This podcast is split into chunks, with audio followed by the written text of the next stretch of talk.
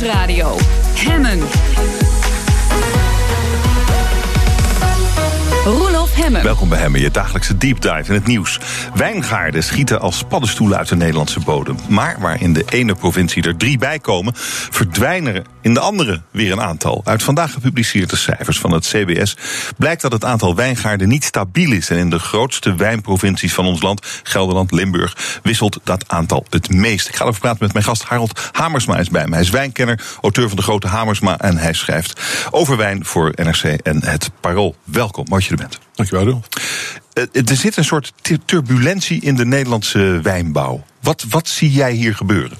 Ja, je kunt een beetje parallellen trekken bij uh, het feit dat we sowieso, wat vroeger was het wat je van ver haalt, is lekker. Het gold ook voor wat we op ons bord haalden. Hè. Moesten de gamba's uit uh, Verwegistan komen en de kreeften uit Canada. En de wijn kwam uit uh, ja, Frankrijk, Chili, Argentinië. En nu zie je dus sowieso in de gastronomie een beweging dat we onze spulletjes wat dichterbij aan het halen zijn. Het begon in de topgastronomie al, hè, dus de drie, twee, ene sterren restaurants. Die zeiden van ik wil het varken van de boer om de hoek.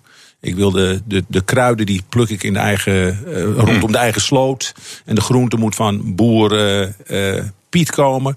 En daar zie je dus daar parallel in lopen. Eigenlijk dat we ook onze druifjes vanuit de buurt willen gaan nemen. Onze eigen wijnen. En dat is helemaal niet zo, maal, uh, niet zo mal. Dus uh, je zag het ook in, ja. met bier gebeuren. Ja. Microbreweries, lokale brouwerijen. Iedere wijk begint weer zijn eigen brouwerijtje te krijgen. We zoeken het dichterbij. Ja. En daar loopt de wijn mee in de pas. Ja, dus er is uh, vraag. En er zijn dus allerlei mensen die aan die vraag willen voldoen.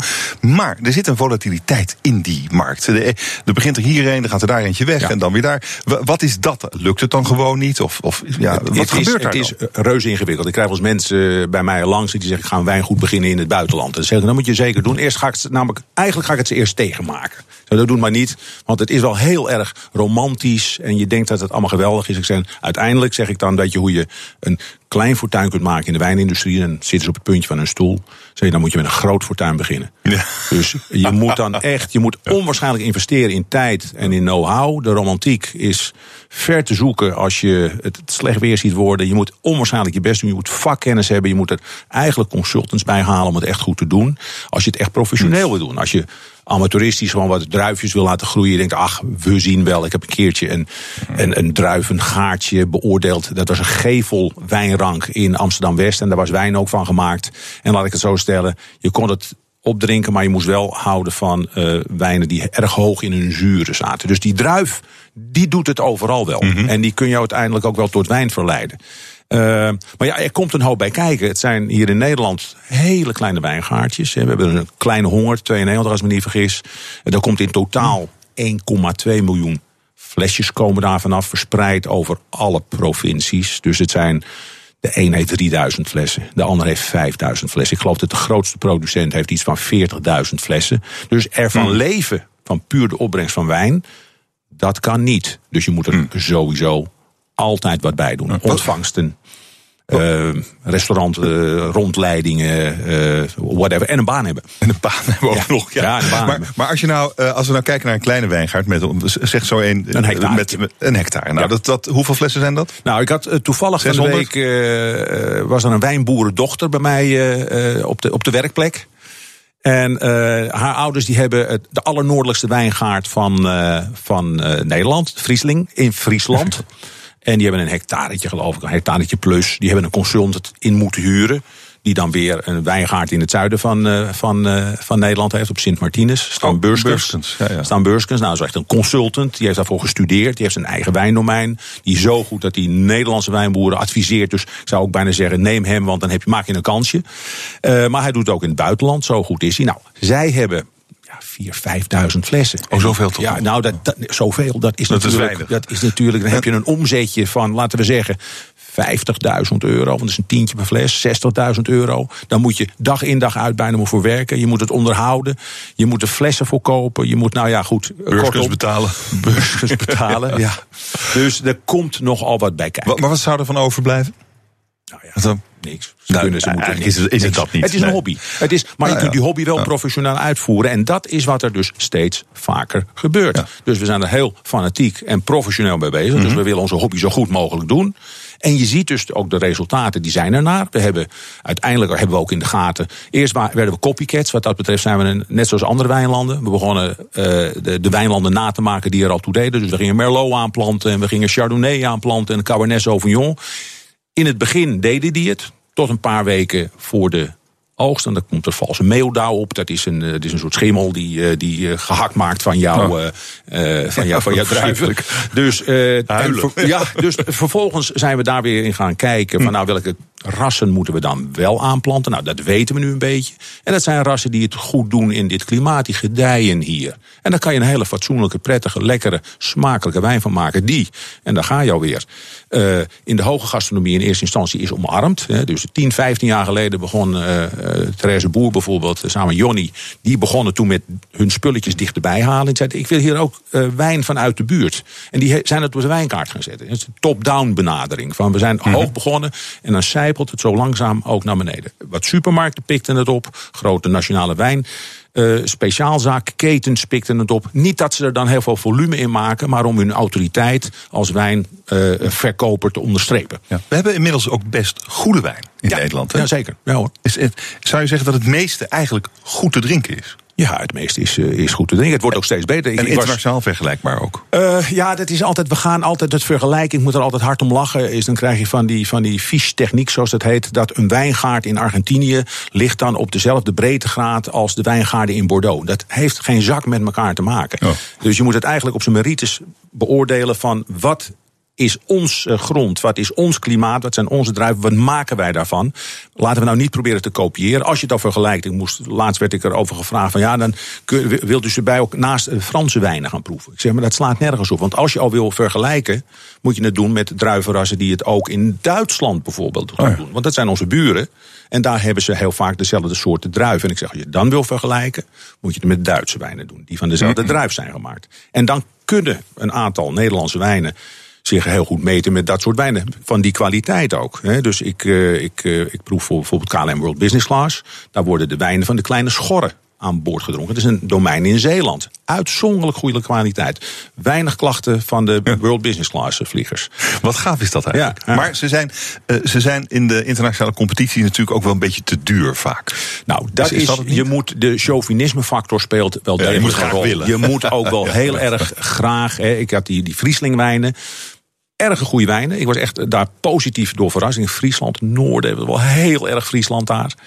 En uh, ik heb het geproefd, ik zei dat is hartstikke goed. Maar dan wel tussen de 15 en de 25 euro per fles neerleggen. Hè, dus consumentenprijs. En ja, dan ga je, als je dat gaat vergelijken, nou voor 15 tot 25 euro kan ik ook wel een hele fatsoenlijke Italiaanse, Franse, Duitse enzovoort. Maar dat moet je eigenlijk niet doen. Nee. Het is iets van, ja, koopt Hollandse waarden en helpen we elkaar. Maar het is nog goed en drinkbaar ook. Je kan er trots op zijn. We vinden het fijn om dat uh, te proeven. Het mag best wat meer kosten als je weet hoe ongelooflijk hard ervoor gewerkt wordt ja. ook. En het is, het is natuurlijk een hele mooie nieuwe uh, tak van landbouw eigenlijk in Nederland. Waar, uh, waar volgens mij geen vergrijzing optreedt. Dit zijn, nee, zijn hier zijn jonge ja. mensen die, die dit willen. Veel al wel, ja. ja. Dat is, dat is, kijk, het heeft een beetje te maken, ik heb die parallellen eens getrokken, is dat we ineens gingen jonge mensen zich ook. Vroeger hadden mijn opa en oma hadden volkstuintjes. Hm. Omdat ze van de honger geen ontlasting hadden. En ze moesten zelf hun groenten moesten ze gaan kweken. En nu delen we volkstuintjes met elkaar en een complexje. Want we gaan aan onze kindjes laten zien dat, dat, dat de sla hier groeit en dat de spersieboontjes hier groeien. Dus, en we nemen bijna een hypotheek erop om dat te kunnen huren of leasen. Dus een soort zingeving. En dat zie je dus ook met, met, met, met deze. De vergeten groenten staan ineens meer op het. Op het ik vond laatst een, een boodschappenbriefje. Er stond op niet vergeten de vergeten groenten mee te nemen. Uh, dus die omarmen we ook weer. En dan als je dan weet dat wijn het hoogst in de hiërarchie van de agrarische pikorde staat, dan is dat natuurlijk iets heel bijzonders. Dus daar willen wij ons ook in uh, ja. verdiepen. En dat willen we ook meemaken. Ja, en dat is wat er gebeurt. Ja, ja. Dat is wat er gebeurt. En um, het, het zou nog het zou nog wel eens uh, heel goed kunnen uitpakken nu wij uh, steeds warmer weer krijgen. Of niet? Heter is niet per se beter. Hmm. Dat is gewoon. Uh, ik moest daar laatst iets over roepen. Ze zei: ja, het is het mooie weer en het is toch goed voor de druiven. Ik zei: joh, de laatste paar weken. Dan gaat het erom. Dan is dan de ultieme rijpheid er. Komt er nog een hagelbui, ja of nee? He, regent het allemaal in één, in één keer weg? Gaan ja, de hagelstenen ja. nog een? Het ziet er nu goed uit als we dit zomerse, Hollandse zomerse weertje houden gaat de kwaliteit omhoog. We krijgen niet heel veel. Dus de kwantiteit zal niet zo hoog zijn. Want Door die hitte. de- de- door die hitte, want de druif die gaat, zich, gaat zijn sap beschermen door een heel dik schilletje te maken. Dus minder sap, Oh ja. wel hogere concentratie, maar wel een hele goede, goede kwaliteit. En eh, dus eh, de, de, de 2018 in Nederland zou best wel eens heel aardig kunnen worden. Veronderstel dat we Ja, tot september we- geen eh, Dan hebben we een krijgen. hele Ja. prettige, lekkere oogst waar we met heel weinig mensen van kunnen genieten. Want nogmaals, het zijn 1,2 miljoen flesjes. Dus het zijn 100.000 flesjes per provincie, zou ik bijna zeggen. Daar moeten we het met z'n allen van doen. Die zijn ook niet allemaal even goed. Maar de goede, daar zijn er dus natuurlijk. En wat dat betreft zijn we ook een, een echt gewoon wijnland. Je hebt namelijk hele goede wijnen, maar ook hele slechte. In de Bourgogne zaten ze zich, daar was ik een paar dagen vorige maand, en daar zaten ze zich eigenlijk best zorgen te maken over het weer. Daar was het ook bloedheet. Ja. En eh, daar mogen ze niet eh, beregenen Nee. en zo. Dat moet Nee. allemaal, Nee. moet allemaal uit de lucht Ja. komen. Ja. Eh, ik, nou, ik ben een beetje vergeten te kijken of het er nog, heel, of het er nog voldoende geregeld is. Maar hoe ziet het eruit in de, in de, bijvoorbeeld de Bourgogne en, en de Nou, rest ze van de maken zich wijnlanden? niet onterecht daar best zorgen. Dus ik eh, roep maar een, bedrijf als Torres, Miguel Torres, een toonaangevende wijnmaker in Spanje. Die zegt ook, ik heb het in Catalunya, Penedès, eh, heet, heet, heet. Eh, de klimaatverandering is gaande. Die is nu al wijngaarden van andere druiven, andere soorten of andere klonen aan het aanplanten in Somontano, in de uitlopers van de, van de Pyreneeën. Eh, om te kijken dat het daar koeler is. Wat gaat er gebeuren? Dus je ziet het in Bordeaux maakt zich zorgen dat Merlot dat het te warm wordt. Dat die Merlot daar niet meer goed gedijt. En als je ook terugkijkt naar 30 jaar geleden, dan had je bijvoorbeeld alcoholpercentages van standaard Bordeaux 12,5 procent. En nu kom ik ze al tegen mijn 14,5 procent. Want warmer is meer suiker, meer suiker is meer alcohol. Dus gaat die druif zich niet atypisch gedragen? is niet per se goed, hè? Is meer niet alcohol. per- nee, juist niet. Zou Nee. ik bijna zeggen. Het is, eh, de beste wijn is een lege fles. En de doordrinkbaarheid eh, neemt toe op het moment dat het niet al te veel alcohol in zich, eh, met zich meeneemt. Waarom moet het eigenlijk altijd wel toch wel zo'n zo'n 12,5 procent zijn? Ja, dat is toch, dan krijgt hij toch. Dat, is de, dat geeft de wijn de body. En je hebt natuurlijk wel wat lichtere wijnen. Hè, dus de Vigno Verdes of eh Rieslings die eh 10, 10,5. En die, dat zijn de druiven die daarvoor geschikt zijn ook. Dan ga je weer. Die druiven doen het. Wil je dat het minder wordt, dan moet je door middel van eh, omgekeerde osmose, reverse osmosis, moet je dus bijvoorbeeld eh, de alcohol eruit halen en later weer eh, deels. Maar dat is allemaal. is Ik dronk laatst een alcoholvrije eh, bubbel. Ja. En je er was- kijkt er al lelijk bij doen, of? Zie ik meteen. Ja, want ik dacht van, wat mis ik nou? Ja, toch blijkbaar gewoon die alcohol. En ik dacht, ja, hoezo moet daar nou gewoon... Waar het met bier wel gelukt is. Want ik ben een fanatiek drinker van alcoholvrije bieren, diverse. Ik vind het erg lekker na Ja. 85 Malbecs eh, van jonge leeftijd... om eens even na te blussen en na te spoelen met een... en dan maar niet met alcohol weer, maar alcoholvrij, perfect. Er is ook een onderzoekje gedaan door Wine Research, heet het geloof ik... is dat het imago van alcoholvrije wijnen... ik heb ze wel eens omschreven als eh, seks hebben met een opblaaspop... en ik ben niet ervaringsdeskundige, roep ik er meteen achteraan... want mevrouw Hamersma luistert ook mee... Ehm, dat ehm, dat... dat eh, die, dat imago dat loopt niet in de pas met dat van bier bijvoorbeeld. Ik zeg nou, begin nou eerst maar eens even een goede alcoholvrije wijn te maken. Ze doen hun best, maar ik blijf nog steeds zeggen: neem nou maar een hele goede appelsap of een hele goede druivensap. Niet alcoholvrij. Of een hele goede eh, gezette thee met wat, wat kruiden erin. Dat is veel lekkerder. Dat is een beter, Vooralsnog. beter advies. Hartelijk Ja, dank voor dit met gesprek. plezier, Rolf. Harold Hamersma, dank. Een simpel broekje met elektroden kan het leven van dwarslesiepatiënten een stuk aangenamer maken. Zometeen in het beste van hem een gesprek met de man die die techniek in ons land introduceerde. BNR Nieuwsradio. Van goed naar beter. Er gaat heel veel goed in ons land, maar laten we vooral ambitieus blijven. Het kan natuurlijk altijd beter. Vandaag in Van Goed naar Beter een broek met elektroden... die het leven van mensen met een dwarslesie aangenamer moet maken. Mijn gast is revalidatiearts Christophe Smit van revalidatiecentrum Reade. Welkom, goedemiddag. Dank u wel, heel hoe, fijn. Hoe helpt uw broek mensen met een dwarslesie? Eh, waar het om gaat is dat het een broek is met ingebouwde elektroden. En die eh, geeft eigenlijk stroom door de huid heen, zodat verlamde spieren, die mensen met een dwarslesie hebben, geactiveerd worden. Wat hebben ze daaraan? Heel veel. Ehm, mensen met een dwarslesie die, eh, ja, hebben een inactief deel van hun lichaam, een verlamd lichaam. En dat wordt slechter met de tijd. Kunnen we ons alles bij voorstellen. Botten worden slechter, spieren worden slechter, huid wordt slechter.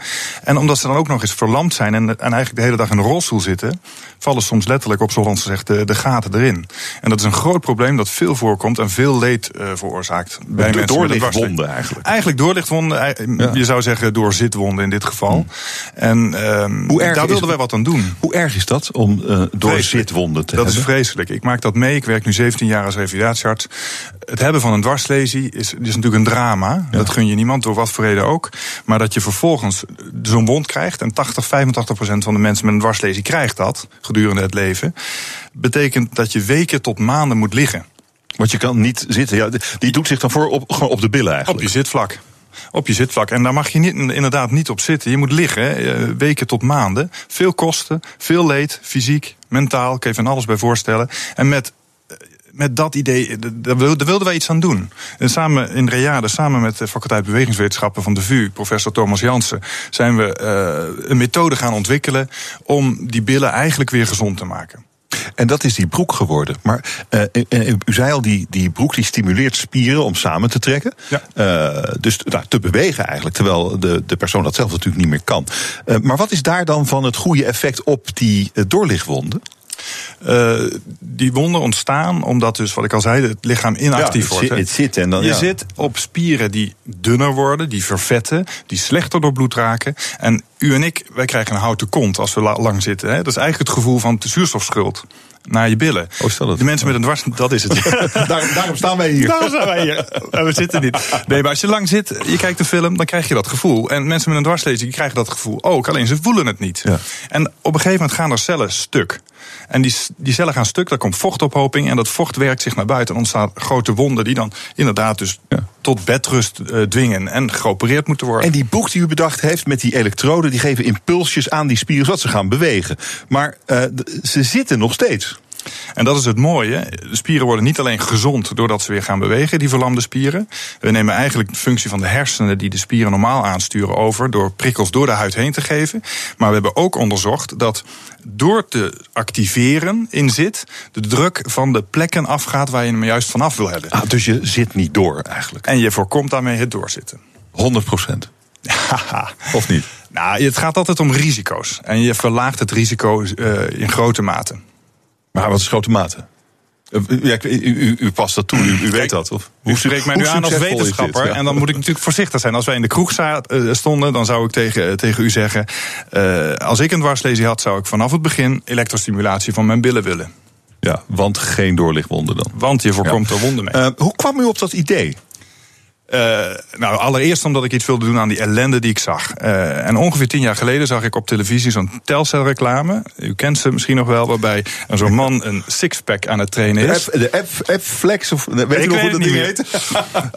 Maar je zit zo'n verloren moment televisie te kijken en ik dacht, ja. verdorie, dat is het. Als je uh, spieren kan activeren met zo'n elektrostimulator op je buik, waarom kunnen we dan niet proberen om verlamde spieren gezond te maken? En zo is dat balletje gaan rollen. En nogmaals, met de faculteit bewegingswetenschappen van de VU uh, zijn we onderzoek gaan doen, stelselmatig, om uit te vinden hoeveel stroom dan, welke spieren dan, hoe lang dan. En nou ja, zo is dat gaan, gaan lopen. En toen is ook op een gegeven moment het idee van het broekje gekomen. Hè. Je moet het mensen makkelijk maken. Een onderbroek als het ware, het ziet eruit als een wielrenbroekje die je onder je kleren kan dragen. En uh, ja. ja. Een batterijtje erin, klaar is Kees. Koppel je, ja. Of je, eigenlijk wel.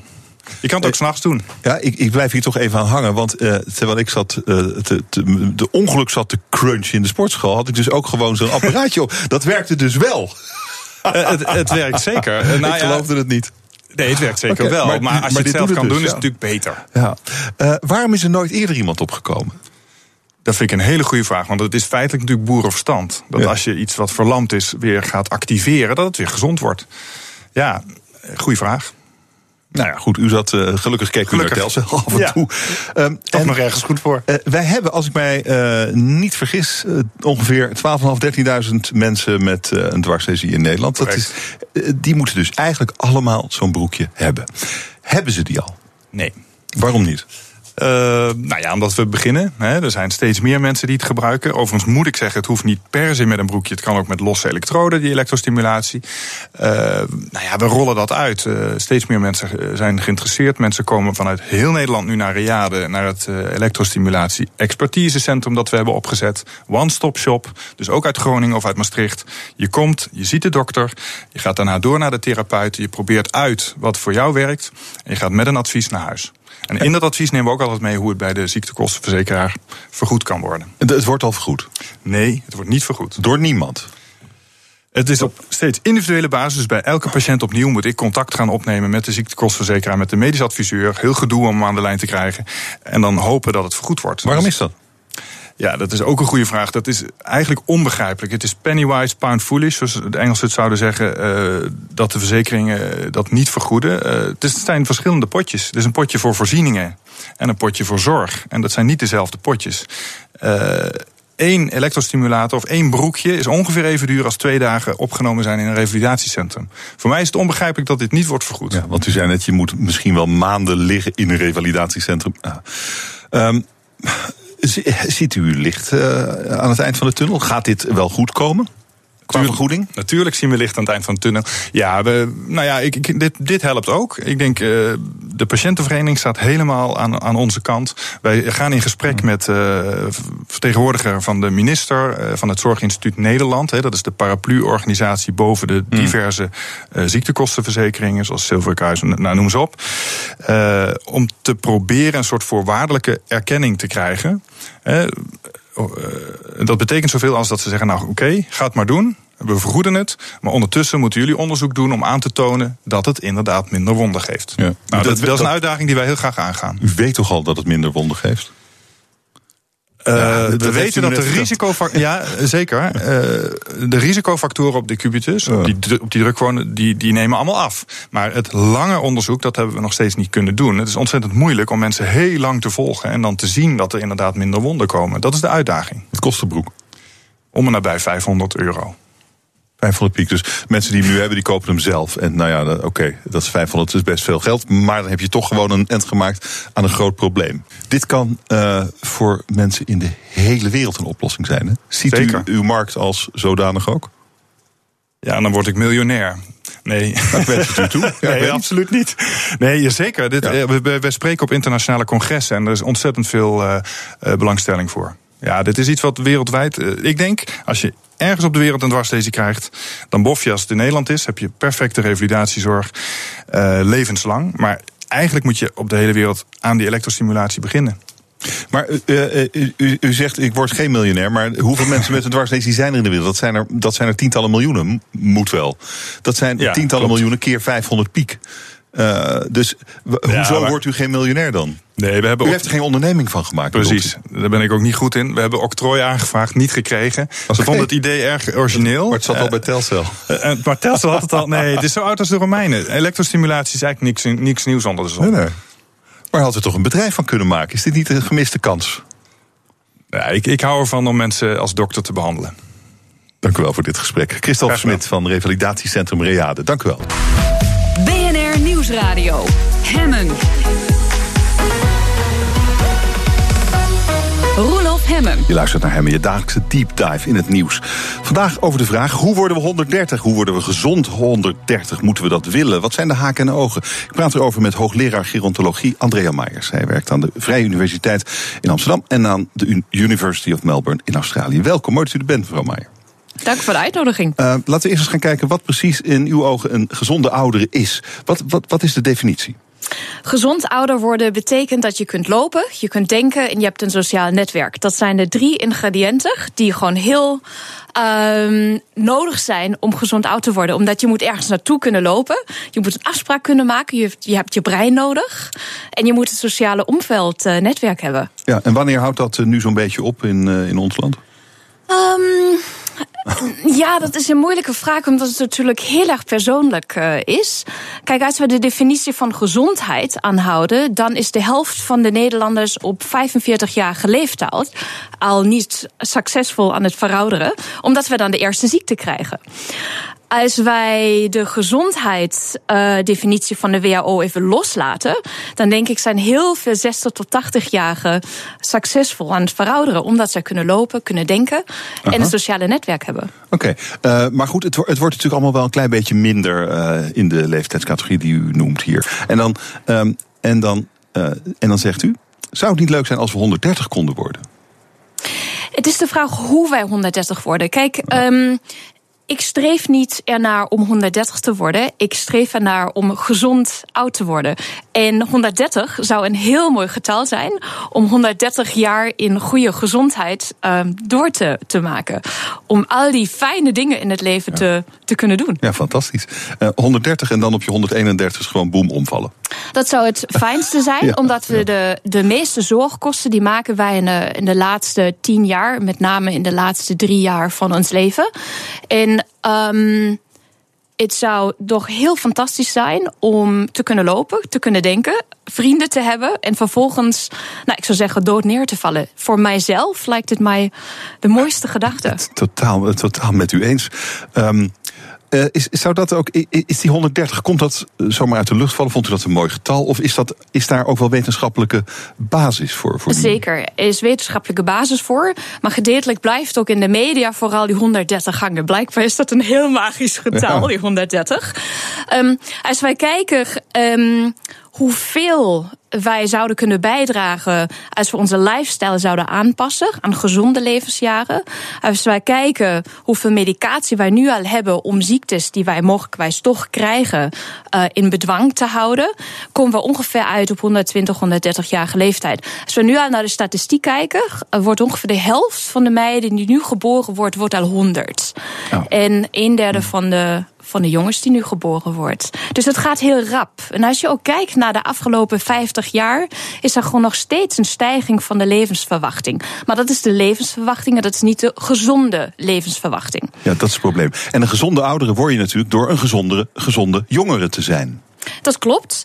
Um, wij weten als iemand gezond is in jonge jaren, en dat betekent ook actief is, fysiek actief is, een goed dieet, geen overgewicht, is de kans dat iemand oud wordt zonder gebreken veel, veel hoger. Hm. Want ver, veroudering is uh, eigenlijk waar, waar, u over nadenkt, is hoe, hoe je veroudering uh, kunt stoppen. Veroudering waar je ziek van wordt, kunt stoppen. Ja, het is ik zou niet zeggen dat we veroudering stoppen. Als we veroudering helemaal zouden stoppen, hm. dan is de kans dat wij dus oneindig zouden kunnen leven heel erg groot. En oneindig kunnen leven vind ik heel erg veergaand. Um, ik wil niet zeggen dat ik uitkijk naar de dood, maar een dood is toch een soort van besluit van mijn eigen leven en het leven van, van iedereen.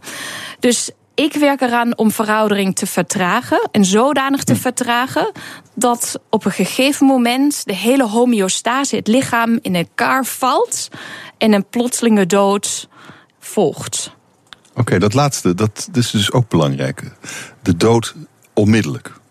En uh, niet als sluitstuk van een jarenlange lijdensweg. Dat is ook dat is interessant. En dat, dat, Oké, okay, laten we daar nog even op terugkomen. Want uh, we moeten even kijken naar die veroudering. Hoe vertraag je de veroudering? Hoe zorg je ervoor dat we uh, zo, zo lang mogelijk gezond blijven? Waar staan we op dit moment op dat gebied? Maatschappelijk gezien of in, in het vak, onderzoek? In de, in de wetenschap. Kijk, Wat we weten er zijn twee belangrijke componenten om veroudering te vertragen. En dat is goed onderhoud plegen en je lichaam goed gebruiken. En beide doen wij volgens mij niet goed in de maatschappij. Oh. Als ik kijk naar de wetenschap, dan weten wij welke factoren ertoe bijdragen om veroudering te vertragen, namelijk goed onderhoud te plegen. En als er kleine um, fouten zijn, om die snel te repareren. Dus dat is het vak van de gerontologie. Om erachter te komen, oké, okay, welke kleine foutjes kan ik of voorkomen, of kan ik snel repareren, dat ik daar aan het einde geen last van heb. Oké, okay. en uh, nou ja, kunt u eens een paar voorbeelden geven? Waar staan we op dat gebied? Nou, we staan uh, op het gebied dat wij nu inmiddels in diermodellen de levensverwachting kunnen verlengen tot 200, 300 procent. Wij staan in het vakgebied dat wij van een oud lichaam, een oude muis, een jongere muis kunnen maken. Wij kunnen iemand verjongen, een dier. Um, middels technologie die wij inzetten om fouten die er ontstaan tijdens de veroudering, om die weg te halen. Leg eens uit, alsjeblieft. Een van de heel mooie onderzoeken uh, die gedaan worden, is het wegruimen van oude cellen. Als wij, wij staan hier, wij zuchten, wij gebruiken ons lichaam, ontstaan daar cellen die gebreken hebben, die schade oplopen. Ik noem het soms prullenbakcellen. Dus alles wat wij ophopen aan schade komt terecht in die cellen. Als we deze cellen opruimen, dan verjongt in lichaam. Hmm. Deze keer een muis of een rat of een, uh, een wormpje of een vlieg. Dus wij kunnen, als wij die schade weghalen, senescente cellen, verouderde cellen weghalen, ah. verjongt het lichaam. Dat, dat wil ik. Dat wilt u? Ja, ja. wanneer, nou, wanneer, wanneer, wanneer kan dat? Van proefpersonen. Wij weten nu dat het in muizen kan. Er uh, volgen nu de apenstudies. Um, omdat we moeten weten dat het veilig is. En de gerontologen, wij in het veld, zijn nu bezig om het naar de mens te krijgen. En, en, en uh, hoe lang gaat dat nog duren, denkt u? Wat zijn, wat zijn de ja. valkuilen? De vuilkuilen zijn, en daar is met name mijn groep in Melbourne mee bezig. Um, waar waar is de ophoping van de schade? Waar vind ik allemaal deze, deze oude cellen? En als ik die cellen weghaal, zou dat mogelijkerwijs ook uh, bijwerkingen hebben. Stel, mijn brein bestaat uit 50% van die oude cellen. Dat is niet zo. Maar stel, ik haal al die cellen weg. Dan zou het brein gewoon 50% schenken. Dat zou niet handig zijn. Nee. Dus wat wij op dit moment doen. Wij nemen overal kleine hapjes uit een lichaam, uit een mens.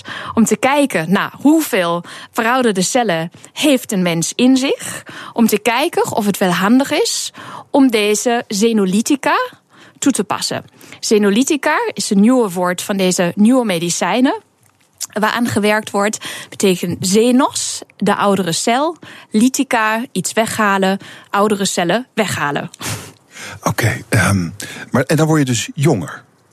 Want uh, wat, wat, zit er, wat zit er in die verouderde cellen? Wa waarom zijn, waarom, uh, hoe komt het dat ze slechte cellen zijn geworden? Ja. En dat weten wij ook inmiddels. Er zijn, um, wij noemen dat hallmarks of aging. Dus we hebben de principes waarom een cel veroudert inmiddels ontdekt. Um, en het is bijvoorbeeld dat de mitochondriën in de cellen, dus een soort van um, de energiecentrale van een cel, dat die niet meer goed werken. En daardoor, het is gewoon gebruik van een energiecentrale, op een gegeven moment werkt die niet meer. Nou, die wordt ouder. Daardoor ontstaan er processen en schade bijvoorbeeld aan de DNA onze genen. Um, de telomeren worden korter. Telomeren zijn de uiteinden van onze genen. En als die korter worden, kan een cel bijvoorbeeld niet meer delen. Dus we weten precies inmiddels wat in onze cellen gebeurt. En dat beïnvloeden wij. Oh, dat is. Um, en, spannend, en, toch? Ja, dit is van, ja u, u straalt er ook helemaal het is zo bij. spannend. Uh, dit, dit, is natuurlijk fascinerend, omdat uh, ik probeer me voor te stellen wat dan de effecten zijn van die verjongingskuur. Als, ja. u, als u in staat bent om dat te doen. Wat gebeurt er dan met het menselijk lichaam? Wat, wat gebeurt, hoe word je dan als je 50 bent, opeens heb je weer, ben je weer 30? Wat is het effect? Is het zo groot als ik nu denk?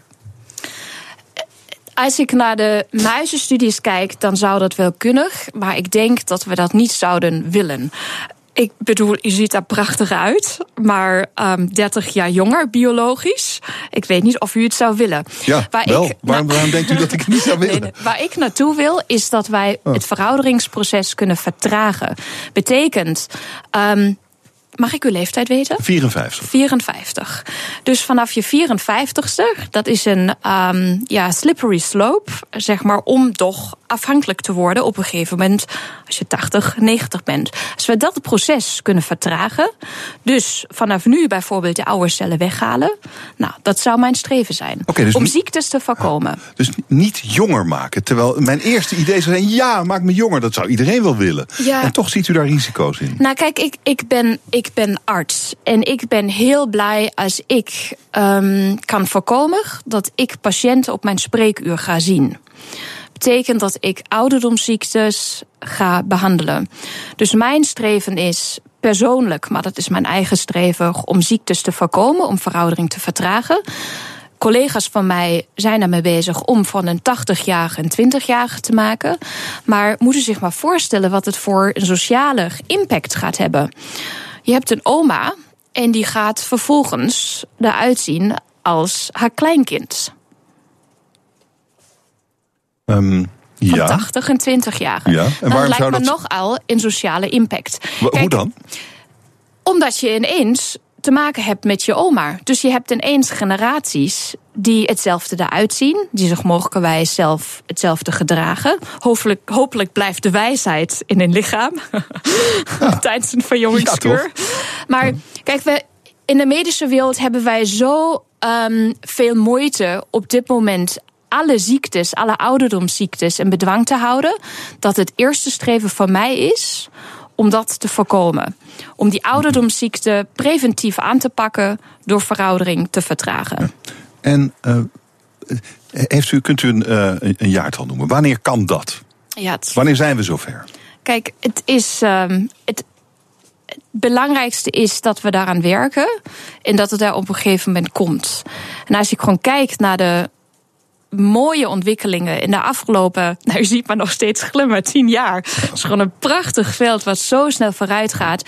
Het belangrijkste is dat het hele gezondheidssysteem op zijn schop gaat. Dat wij niet meer naar ziektes primair kijken, maar dat wij investeren in preventie. En dat wij veroudering een ziekte noemen. Om het aan te kunnen pakken, om ouderdomsziekte aan het einde te voorkomen. Om te kunnen lopen, denken, vrienden te hebben als je 130 bent. En dan is het natuurlijk, eh, is het natuurlijk ook eh, misschien wel handig als je kunt eh, voorspellen wie dat nodig heeft, op welke termijn, zodat je misschien de narigheid voor kunt zijn. Daar wordt ook onderzoek naar gedaan, toch? Ja. Door u. Ja. Ehm, in hoeverre bent u nu al in staat om de effecten van die ziekte, die veroudering heet, te voorspellen? Dat gaat heel rap. Eh, onder andere mijn groep in Amsterdam is ermee bezig. Wij voorspellen, of wij kunnen voorspellen, wie er risico loopt om over tien jaar achteruit te gaan. Wie bijvoorbeeld niet meer de trap kan nemen. Dus ADL, Activities of Living noemen we dat. Wie gewoon niet meer in staat is zelfstandig te wonen. En wat zijn de indicatoren daarvoor? Ehm, die zijn relatief makkelijk. Dus wat wij hebben gedaan, we hebben alle Europese datasets die wij voorhanden hebben, hebben wij gepoeld, hebben wij genomen en gekeken. Kunnen wij factoren vinden die voorspellend zijn voor achteruitgang? En dat is bijvoorbeeld. Kan iemand denken? Hoe is de cognitie? Kan iemand lopen? Hoe krachtig is iemand? En hoe is het sociale netwerk? Dus weer die factoren die voorspellen of je echt ja, een succesvol verouderer bent. Of je succesvol bent je dingen te doen als je, als je 80 en 90 bent. Het is relatief makkelijk te doen. En daarmee kunnen wij nu ook een jaartal aan de biologische leeftijd geven. Hoe werkt dat? Dus de biologische leeftijd is de leeftijd um, van je lichaam. En die kan verschillend zijn van je paspoortleeftijd. Dus hoe, hoe oud je werkelijk Ja, oh waar ja, bent. ja, ja, ja, ja, en je kunt of ouder zijn, of je kunt jonger zijn. Als je jonger bent, loop je minder risico om achteruit te gaan. En als je ouder, biologisch bent, omdat je lijf meer schade heeft opgelopen, heb je veel meer kans op ziekte, narigheid, bijvoorbeeld in het ziekenhuis opgenomen te worden. Wij praten zo meteen verder over dat fascinerende proces van verouderen en wat je er tegen kunt doen. Ouder worden heeft heel veel consequenties. We hadden het er net over. Maatschappelijke consequenties. Daar gaan we het straks over hebben met Andrea Meijer, mijn gast. BNR Nieuwsradio. Mijn gast is Andrea Meijer. Zij is hoogleraar gerontologie aan de Vrije Universiteit hier in Amsterdam. En aan de University of Melbourne, Australië. En nou ja, wat zij doet, daar hadden we het net over. Hoe worden we gezonder oud? Uh, mevrouw Meijer, u werkt dus in Australië. Uh, wat kunnen wij leren van Australië op, op uw vakterrein? Of kunt u hen wat leren? Hmm, dat is een uh, moeilijke vraag. Omdat ouder worden of ouderdom eigenlijk niet een besproken onderwerp is. Um, een voorbeeld, ik ben directeur van een ja, groot gedeelte van het ziekenhuis, het Royal Melbourne Hospital. En ik heb verpleegkundigen die zijn 75, 80 en werken gewoon bij mij op de afdeling.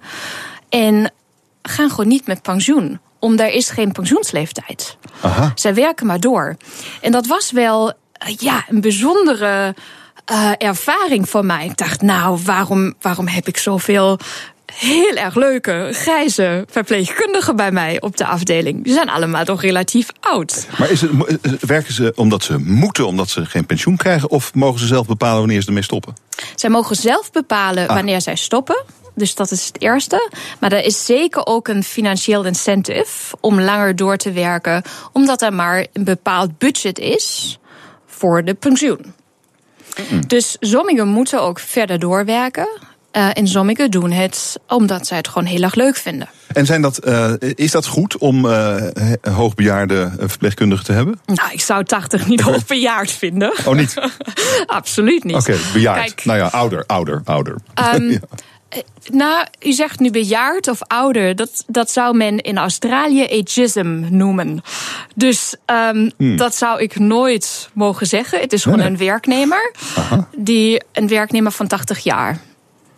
Maar, maar is het, is het, um, merkt u daar iets aan? Hoe, hoe, draait iemand van 80, hoe draait iemand van 80 mee in een ziekenhuis waar uh, de meeste mensen misschien jong zijn? Normaal mm, gesproken. Of, of ook oud. Of, ja, in Australië is het wel anders. Maar eh, eh, ik heb een, toch een totaal ander beeld eigenlijk van een ziekenhuis. Dat is niet, ik zie daar niet uh, verpleegkundigen van 80. Ja, hoe, kijk, hoe, doen die mee? Hoe doen die hun werk? Kijk, niet iedereen is 80. Natuurlijk moeten we daarop letten. Um, in de veiligheid gaat natuurlijk uh, staat bovenop. Um, dat een 80-jarige ook um, de werkzaamheden kan uitvoeren. En dat de veiligheid voor de patiënten gewaarborgd ja. is. maar als ik kijk naar degene, dan wel artsen, dan wel verpleegkundigen die bij mij werken, uh, zijn ze relatief vitaal. En doen ze gewoon mee. En dat is ook het belangrijkste. Dat je gewoon meedoet in de maatschappij. En wij weten met name dat er heel veel ziektes gebeuren rond de 65-jarige leeftijd. Omdat ineens, als we van een werkzaam naar niet werkzaam leven gaan, onze lifestyle heel erg um, zich aan moet passen. Omdat je gaat van een ritme namelijk een werkzaam ritme naar een vrij ritme. En een derde van de bevolking na de pensioen um, ja, gaat eigenlijk een beetje op de bank zitten. En gaat daardoor heel groot risico lopen op suikerziekte en hmm. allerlei andere ouderdomskwalen. Dus eigenlijk is er in principe niks mis mee, mits de fysieke en cognitieve. Dus je moet denken en je moet kunnen, kunnen fysiek actief zijn om verder te gaan werken. Um, wat ik me nog af zat te vragen is. Um, uh, we hadden het al een beetje over, maar het soort samenleving dat je krijgt als we gezond ouder worden. Dus mhm. heel lang kunnen doorgaan met leven, alsof we veel jonger zijn. Uh, wat voor soort samenleving ziet u dan ontstaan? Ik hoop dat er een heel actieve uh, en vitale samenleving ontstaat. En dat is denk ik het belangrijkste. Um, dat wij in staat zijn om fysiek en uh, mentaal de dingen te doen die wij willen doen. En dat wij minder kijken naar de gebreken, met name de fysieke gebreken. Die, die, u zegt een vitale samenleving zal het zijn. Oké, maar het heeft natuurlijk wel wat uh, nou ja, over de pensioenleeftijd. Nu, uh, ja, die gaat er nu in Nederland wel een beetje omhoog. Nou, schaal is dat weer een heel ander verhaal blijkbaar. Uh, maar ook voor de pensioenleeftijd heeft dat misschien wel gevolgen. Want hoe, of, of hou je dan gewoon op met werken als het echt niet meer gaat? Als je omvalt op je 130ste? Wat, hoe moeten we dat regelen, maatschappelijk gezien? Kijk, werken is in principe niet slecht. Er wordt uit gezegd, nou, ik verheug mij dat ik niet meer hoef te werken. Kijk, een werkzaam leven um, draagt gewoon bij gedeeltelijk tot um, een vitaal leven. Omdat je namelijk bezig bent, omdat je je dagritme ja. hebt. Dus eigenlijk is het niet slecht om te werken. Dus daarom zou ik denk ik ook een beetje het idee loslaten dat we op een gegeven moment niet meer hoeven te werken. Tuurlijk is het afhankelijk wat voor soort werk je doet. Op een gegeven moment moeten wij kijken, nou, kan je het werk doen? Als je het werk niet meer kunt doen, kan je dan iets anders doen? Mm -hmm. En het is natuurlijk voor de hand liggend als we allemaal 130 worden, dat we niet op ons uh, 68ste gaan stoppen. Dus de hele maatschappij ja. zal anders ingericht uh, worden. Denk bijvoorbeeld daarover na om weer naar de universiteit te gaan als je 50 of 60 bent. Omdat je dan toch even een andere baan zou, zou willen kiezen. Het lijkt me echt prachtig. Mm -hmm. Ik zou nog niet weten wat ik dan uh, zou willen doen. Um, maar het lijkt mij heel goed om die flexibiliteit daarin te houden.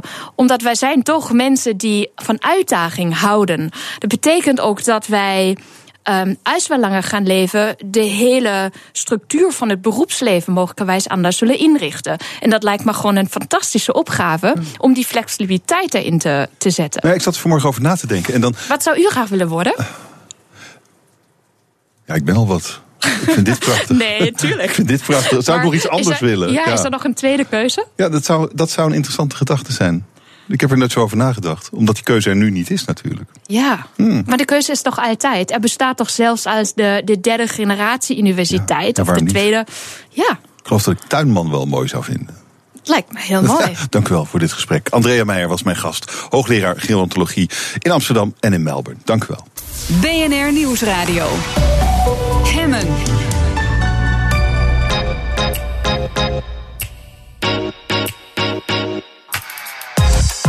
In de zomer gaat ook Hemme op vakantie. Daarom spreek ik elke dag een van de leukste gasten vanuit zijn hangmat op vakantie. Vandaag Noor Spanjer, eindredacteur bij Broadly, het vrouwenplatform van Vice. Hi Noor, waar ben je? Ik hoor wind om je heen. Ja, ik ben op een eiland en daar waait het altijd, zoals jullie wel weten.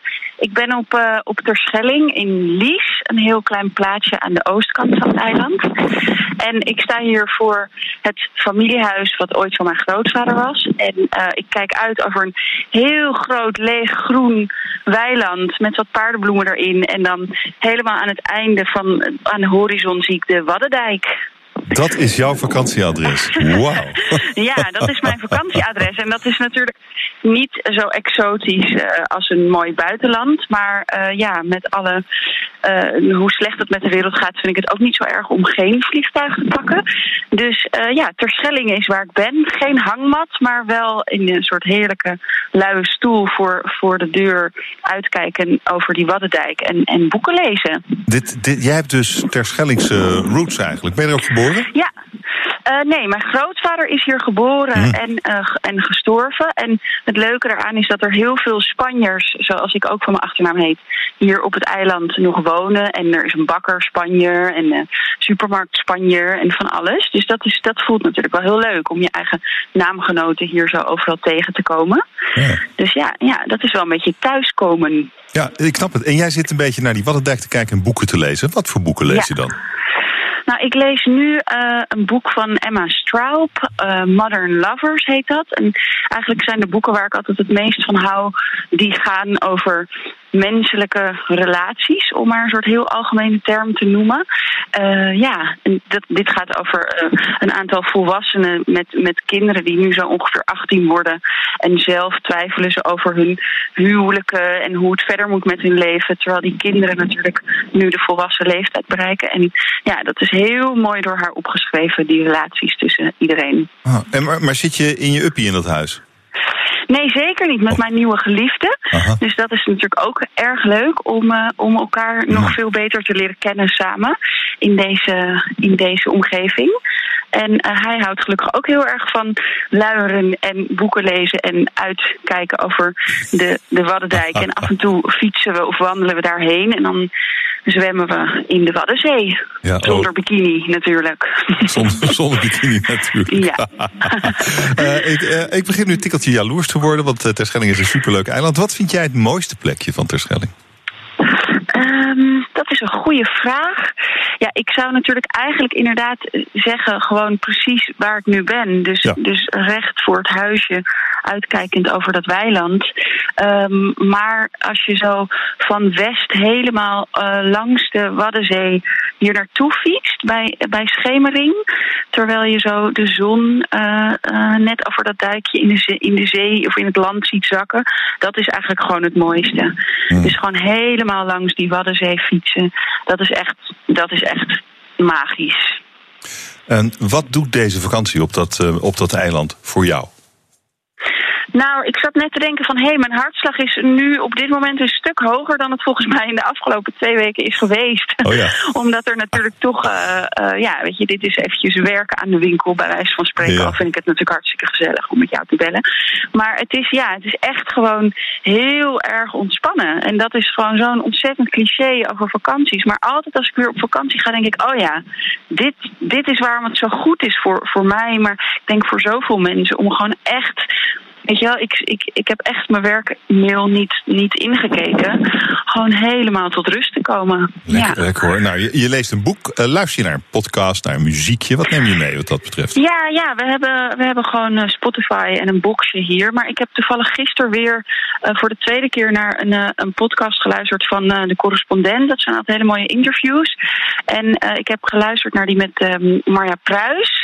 Want ik vind haar altijd echt eh, zo'n geweldige schrijver. Ze schrijft essayistische columns voor de Groene Amsterdammer en ook romans en boeken. En ik ken haar nog niet heel goed, haar oeuvre, maar ik probeer me dat eigen te maken. En uh, in deze podcast heeft ze echt prachtige analyses over hoe de liefde werkt en, en hoe het komt dat we in deze tijd zoveel met onszelf bezig zijn en wat dat zegt over onze naaste liefde. Ja, dat is echt een heel inspirerende uh, uurtje interview. Dat is zeker de moeite waard. Dit, dit is een heel mooi rijtje uh, vakantietips, uh, Noor. Wat is voor jou de ultieme vakantietip?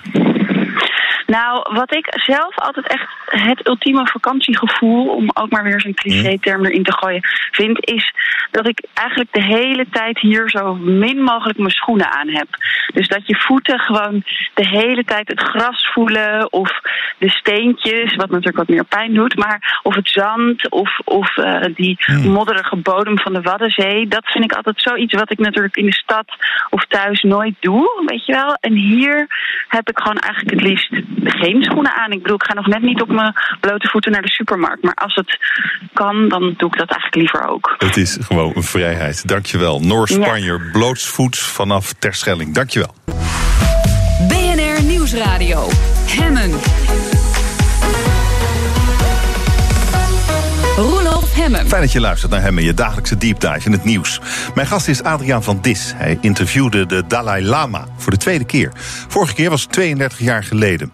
De voorbereiding van dit interview werd een verdieping in het boeddhisme en het boeddhisme in Nederland. En vanavond wordt er een eerste aflevering van een driedelige serie uitgezonden. En Adriaan van Dis is hier. Welkom, meneer van Dis, mooi dat u er bent. Ja, prettig dat ik hier mag Waar, Waarom wilde u uh, voor de tweede keer de Dalai Lama spreken? Wat was dat? Nou, eerlijk gezegd komt het van de Nieuwe Kerk in Amsterdam, waar een grote Boeddha-tentoonstelling is die midden september begint. En daar willen ze natuurlijk de nodige aandacht voor. En die Boeddha-tentoonstelling is niet voor niets. Het is de derde, geloof ik, in een serie grote godsdiensten en de kunst die daar omheen uh, getoond kan worden. Maar het is ook een grote groei van het boeddhisme in het Westen, in Nederland alleen. Al zijn er 50.000 boeddhisten. Maar bijvoorbeeld mindfulness, een vrucht van het boeddhisme, dat wordt alom uh, gebruikt. Ook door moderne haastige ondernemers. We kennen bijvoorbeeld van Eddie Padicum Headspace, 34 miljoen volgers, mm. raison van 94 euro. En die Andy Padicum lacht altijd, dat begrijp je donders goed. uh, ja, het, er is kennelijk grote aandacht voor mm. een esoterische, oosterse leefwijze. En je ziet ook dat men in Europa probeert een soort seculier boeddhisme te, ja, te, te, te promoten. Waarin alle vormen van geloof worden terzijde geschoven. Dus er wordt niet meer gepraat over reïncarnatie of over karma. Hè, dus de wet van oorzaak en gevolg. De, de, de, de, de ja, pillars, hoe noem je dat? De, de fundamenten van het boeddhisme. Nee, men zoekt een praktisch boeddhisme hoe kunnen wij ons leven hier in deze haastige tijd veraangenamen? En daarin schijnt het boeddhisme antwoorden te geven. Nou, dat vond ik interessant om te onderzoeken. Ja. Nou, heeft u gedaan. Ik heb de serie bekeken. Ik zie uh, daarin dat u uh, drie van die apps op uw telefoon heeft. Apps ja, ja. Om, uh, om aan mindfulness te doen. Ja, dat klinkt heel modieus en het is ongetwijfeld modieus, maar soms zijn modieuze dingen toch goed. Werkt het? Ja. Voor u? Hoe nou, dan? Ik, nou, ik, een jaar of vier, vijf geleden was ik even heel erg somber. Had ik last van vervelende dwanggedachten. Ik ging naar mijn oude psychiater. Ik heb een, uh, ja, gezien mijn achtergrond een redelijk, uh, uh, hoe zullen we het zeggen, betrokkenheid bij de psychiatrie ontwikkeld. En ik zei toen, ik verlang eigenlijk naar een godsdienst zonder God. Dan heb ik een hele goede geleerde psychiater die niks van gezweven en onzin moet hebben. Maar toen zei hij, ja, ik hoor de laatste tijd goede dingen over mindfulness. Domweg het controleren van je ademhaling, mediteren, alle monkey-gedachte, dus de aapgedachte, dat je springt van, van mm. de ene uitschakelen, alleen maar concentreren op je ademhaling. En daarmee kan je, als het ware, je brein disciplineren. En dan is het wonderlijke dat die boeddhisten meesters zijn in het disciplineren van je brein. Daar zijn ze al 2600 jaar mee bezig. Ze hebben, noem ik maar spottend, een bosatlas ontwikkeld over ons brein met duizenden opdelingen. En ja, je kunt natuurlijk in therapie gaan op Freudiaanse wijze, maar praten hoe naar je het hebt gehad in je jeugd. Je kunt ook gewoon in het hier en het nu jezelf aanpakken en zorgen dat je beter omgaat met negatieve gedachten in je kop. Dus in die zin heeft het mij geholpen en schijnt het heel veel mensen te helpen. Dat niet wegneemt dat het niet ook ontzettend hip en in is om even zo'n dingetje te downloaden. Het kost niets. En dan doe je het drie maanden en dan hou je ermee op. Het vraagt natuurlijk om, Hmm. ook om discipline om het vol te houden. Maar opmerkelijk is wel dat nu ook al een zorgverzekeraar het aanbiedt. En ik sprak laatst een zorgverzekeraar die nu erg op bezuinigingen is. En die zegt dat ze zelfs Headspace aanbieden voor nop als je lid bent van die zorgverzekeraar. Hmm. Dus het is kennelijk wel iets waar ook zorgverzekeraars heil in zien. Wat is het disciplineren van, het, eh, van, van de geest? Ja, dat is een hele goede vraag. Waar komt het op neer? We hebben allemaal last van negatieve gedachten. Soms ben je ongelooflijk beledigd en zit je in je auto lekker iemand te haten. En, eh, en, en heb je de ene bliksemslicht naar de andere die je uitdeelt aan mensen die je net gesneden hebben. Om maar te zwijgen of die vervelende baas of chef in je leven. Maar het vervelende is van al die negativiteit, het vreet ook aan jezelf. Je kunt het ook uitschakelen. Erger nog, je kunt zelfs haat ombuigen tot compassie. Je kunt het te doen hebben met zo'n zielige chef die het kennelijk zo nodig heeft om de hele tijd vervelend te doen tegen jou.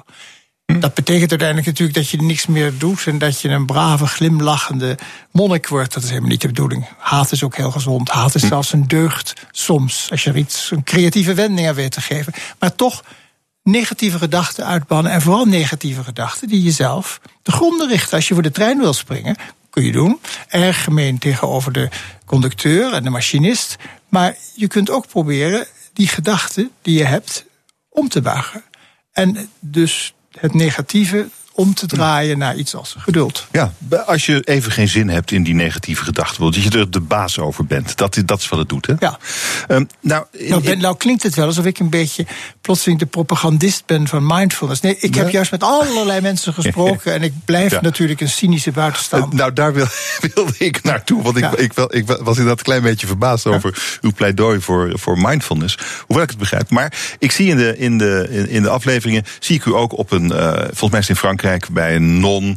eh, die honderden mensen elk jaar langs laat komen. à raison van 550 euro per week. Duizenden. Dus ja, boeddhisme is business. Goede handel. Maar daar lopen ook heel veel mensen eh, rond die daar echt nou, die daar iets zoeken. En, en ik geloof dat ze er ook iets vinden. En daar zie ik u met een, inderdaad een, een soms zelfs cynische blik rondstappen. Kijk, je zou makkelijk kunnen zeggen: het boeddhisme is het, in het Westen is een mooie eh, uitlaatklep voor verwende mensen. Want het boeddhisme zegt dat je moet loslaten. Ja, heerlijk om los te laten als je wat hebt. Maar als je niks hebt, wil je alleen maar hebben. En terecht. Eh, het boeddhisme eh, is heel erg op jezelf gericht. Om uiteindelijk te ontdekken dat het zelf niet bestaat. Maar je bent wel voortdurend met jezelf bezig om dat te kunnen ontdekken. Wel aan, eh, maar dat is een generalisatie. Er lopen natuurlijk ook eerlijke en aardige mensen tussen die er baat bij vinden. Eh, ik sprak daar bijvoorbeeld ook met een man die multiple sclerosis heeft, een Italiaan opgegroeid in een ja, eh, stevig geloof met een hel en een hemel. En die probeert een wending te geven aan zijn leven. Hoe ga ik om met dat feit dat ik dit nu heb? En daarin biedt bijvoorbeeld mindfulness een zekere oplossing. Maar ik blijf het natuurlijk met ironie bezien, omdat het een een grote gemeenschap is van glimlachende, zoekende mensen. En we zien daar ook misschien het verschijnsel, wat, ik, wat een hoogleraar in Nijmegen, een hoogleraar boeddhisme, Paul van der Velde, die noemt dat pizza-boeddhisme. Je neemt de punt eruit die je bevalt en met alle andere lastige dingen bemoei je je niet. Dat hoort misschien een beetje bij de tijd. Je zoekt wat jou past en de rest eh, laat je maar slingeren. Er zit ook een, eh, een jonge vrouw in de serie. U, spreekt met haar. En, en ja, zij, is, zij, is daar, eh, zij komt daar een jaar wonen in dat Franse klooster. En u vraagt dan, ja, waarom? Wat wil je er dan mee? En dan komt er een ongelooflijk vaag, heel vriendelijk gesproken, maar vaag verhaal met veel glimlachen. Ja, en ik wil het in mijn werk. In mijn werk ik wil het uitdragen. Ik wil heel erg graag ook mijn, mijn betrokkenheid en mijn engagement. Ik zit zo in het Engels. Ja. Wil ik uitdragen. Ja, ja, god, ach, dat soort hele lieve meisjes hier in Amsterdam ook. Eh, positief wordt het- gestemd. Wordt het, dan wordt het toch een beetje malligheid. Met Er zit heel veel malligheid, maar er zit Oh, ook oh. heel veel ernst. Kijk, Ja. dat is nou afdeling malligheid. Je hebt ook bijvoorbeeld in Blarikum het eh, Happy Spirit Festival. Daar zie je de zoekende mens. Het, een vormen van pizza-boeddhisme. Er zitten ook aardige mensen bij. Maar er zitten ook hele serieuze mensen bij. Bijvoorbeeld heb ik gesproken met Stephen Batchelor, een oud Tibetaanse monnik, die net als ik in de jaren zestig als hippie, maar ik was dan een hippie met kort haar richting India, eh, trok, lifte met vrachtwagens. En hij is blijven steken in Dharamsala, daar wou ik ook heen. In mijn dagboek staat nog, in Dharamsala kan je leven voor een dollar per dag. Want het ging er mij om zo lang mogelijk weg te blijven voor zo min mogelijk geld. Dat was mijn verheven streven.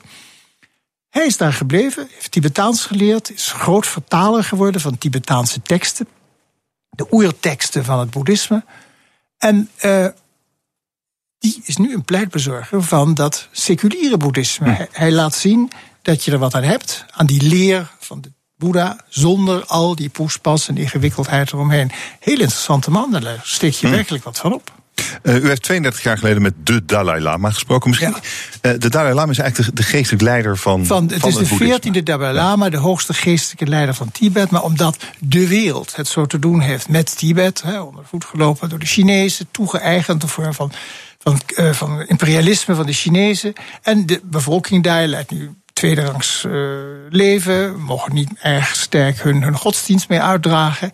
En deze man is gevlucht uh, als jongeman al. Want in 1949 hebben de Chinezen, ik heb het over 1949, uh, Tibet. ja, zijn ze binnengevallen, hebben ze het in bezit genomen. En na tien jaar is de Dalai Lama en zijn broer en zusters zijn ze gevlucht. En dan, nu wonen er miljoenen gevluchte Tibetanen, onder andere in India. Er zijn ook wel vlokjes, zelfs in Nederland wonen er een paar en in Zwitserland. Uh, nou, hij is hun woordvoerder, maar hij is langzamerhand ook de woordvoerder geworden van een boeddhistische stroming in het Westen. En in die zin praat hij met twee monden. Want de Tibetaanse uh, boeddhisten die zijn erg gelovig. Daar is het echt een godsdienst met gesprekken die je kan voeren, verkenningen die je kan voeren, voortdurend de geest naar binnen, voor zover men dat doet. Mediteren doet men dan nauwelijks, maar 5% van de monniken debiteert. In Nederland is, of, uh, debiteert, mediteert. mediteert in, in Europa is dat mediteren heel sterk. En hij bedient ook die westerse markt in Amerika, hier in Europa. En dat zijn dus moderne boeddhisten die alleen maar de praktische kant willen benadrukken. Dus dat vond ik interessant. Ik wilde hem wel eens vragen: u praat met twee monden.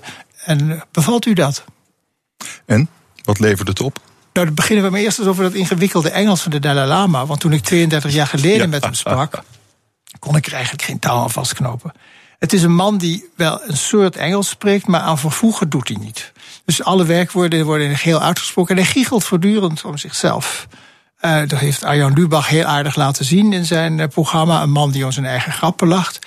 En ik zou het natuurlijk ook een uh, giechelende goeroe kunnen noemen, dat is het ook. Maar in al dat gegiegel zegt hij ook iets interessants. Nu is zijn Engels aanmerkelijk verbeterd, al stond ik nog voor raadsels. Want ja, hij had het bijvoorbeeld over I never singing independence. I never singing independence. Ja, ik zong nooit de onafhankelijkheid. Ik denk dat hij bedoelt te zeggen... ik heb mij nooit uitgesproken voor de onafhankelijkheid van Tibet. Oh ja. Want ik leg mij neer bij de feiten, maar ik probeer wel op te komen voor het geknechte volk al daar. En zo moet je alles wat de Dalai Lama zegt opnieuw vertalen en begrijpen. Maar in al zijn vaagheid en zijn gegiegel heeft hij ook een paar hele goede boodschappen. Hij trekt zich aan wat er gebeurt in de wereld, die grote kloof tussen de fortuinlijke en de onfortuinlijke, tussen rijk en arm. Hij zegt, en dat heeft hij nooit volgens mij eerder publiekelijk zo gezegd: Ik ben een socialist, even worse, ik ben een marxist. Vind ik toch aardig om te horen. Uh, want hij roept ook op tot het, het, het, dichten van die kloof tussen rijk en arm. Uh, vooral. Uh, in India natuurlijk, waar het heel erg zichtbaar is, maar ook verder in de wereld. En hij roept ook op tot een ethische revolutie. Want kijk, we doen allemaal aan ons lichaam wat. We zien de Olympische Spelen, de hele zomer is een sportzomer. Maar zou het niet aardig zijn, dat ook wat we hier op onze brein zouden doen?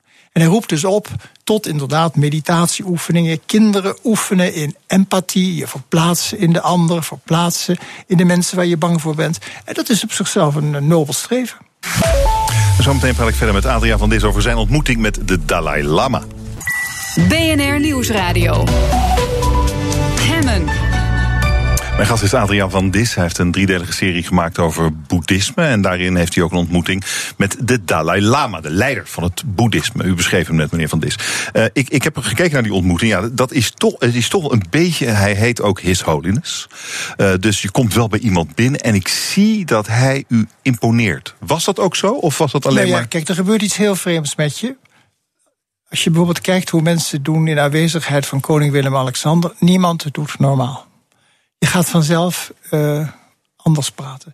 Als je geconfronteerd wordt met de Dalai Lama, omgeven door tien bewakers, een heleboel mensen, rode lopers, de stoel waar je op zit wordt, wordt, wordt, wordt, wordt bekneed. Uh, het cadeautje wat je geeft wordt onmiddellijk afgenomen, want er zou een bom in kunnen zitten. Natuurlijk word je daardoor geïmponeerd. En ik neem mij, nam mij voor, ik ga niet His Holiness zeggen.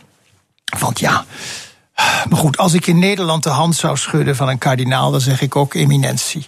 En als ik de koning de hand schud, zeg ik ook majesteit. Kan ik me zo voorstellen. Majesteit, zeg je dat tegen een man? Nou ja, whatever. Ik geloof Eh, het wel, ja. Goed. eh, dus ik zei ook His Holiness. Ga je mond spoelen, dacht ik meteen. Ik probeerde dus wel zakelijk te blijven. En niet te vervallen in de bewondering. Maar er gebeurde iets heel vreemds. Ik vroeg hem. U bent nou een man van compassie, een oceaan van wijsheid. Dat betekent Dalai. Komt uit het Mongools. U bent eh, een glimlachend eh, man die vrede predikt. Bent u ooit wel eens boos? En zijn antwoord was dat hij mij een klap gaf. Nou, dat is toch een aardige manier om gesprek te beginnen. En daarna heeft hij bijna drie kwartier mijn hand vastgehouden en gekneed. Dus het leek wel eh, alsof er een klik was.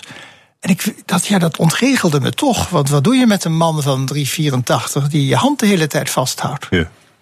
Maar uiteindelijk vond er toch een heel zinnig gesprek plaats. ja, voor zover het inderdaad verstaanbaar was. Ja, maar dat wordt ja. prachtig ondertiteld. En dan denk je, hé, hey, wat een verstandige man. Eh, hij, hij- eh, die, die, hij geeft nog meer antwoord op uw vraag of u wel eens boos is. Zegt hij heel soms en dan zie, zie je mijn gezicht boos zijn. Only, only short period. Ja, only short precies, period. ja. En dan, dan go away. Ja, maar eh, dat is misschien ook wel de kern van het boeddhisme. Zekere zin, ja. Je moet alleen natuurlijk oppassen dat als je je boosheid nooit toont, dat je niet een huichelaar wordt. Het is een hele ingewikkelde weg ertussen. Ik lees toevallig nu een boek.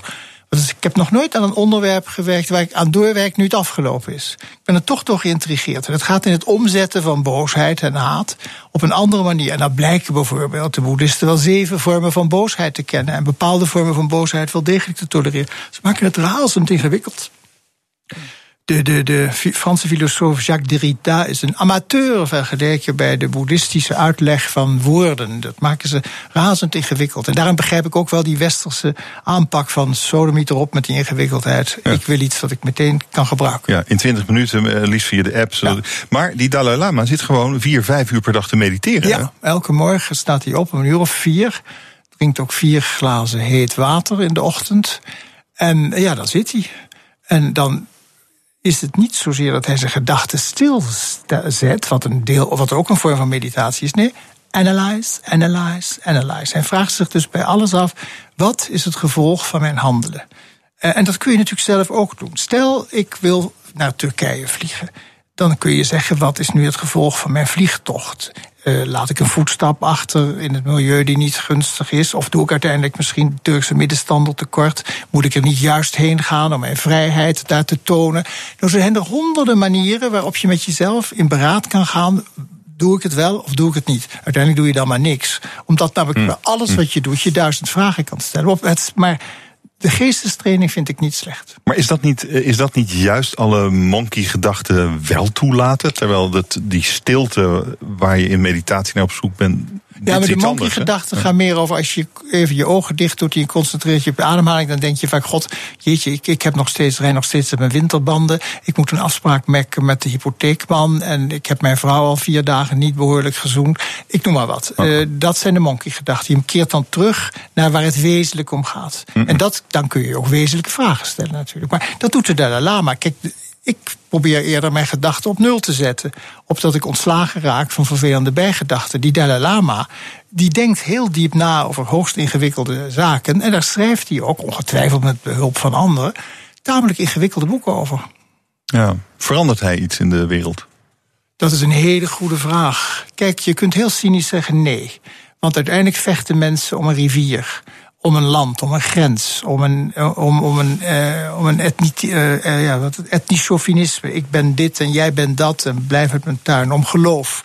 Eh, maar je kunt ook zeggen, ja, er is kennelijk ook behoefte aan iemand die dat overstijgt. En die een soort vergevingsgezindheid predikt. Die zegt, luister eens, we zijn met 7 biljoen mensen. De idee van een America First is een volstrekt achterhaald idee. We zijn, alles is met elkaar verbonden. Dus ik kan het wel bespotten en zeggen, het helpt niet.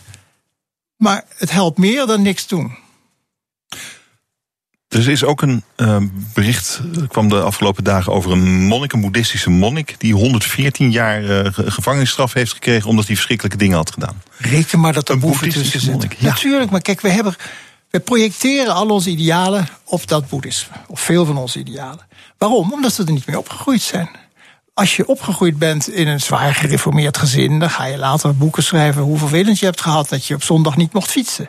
Als je opgegroeid bent in een katholiek gezin, dan kan je misschien herinneringen hebben aan een pater die je in je billen heeft geknepen omdat we niet opgegroeid zijn met het boeddhisme, denken we dat het ideaal is. Maar het zijn net zulke vervelende mensen als u en ik. Dat, en nou heb ik het niet over ons persoonlijk, maar hm. gewoon als, als, onze, mhm. als we allemaal zijn. Natuurlijk houden ze hun tengels niet thuis. Zijn er uh, boeddhistische monniken die uh, seksuele grenzen hebben overschreden.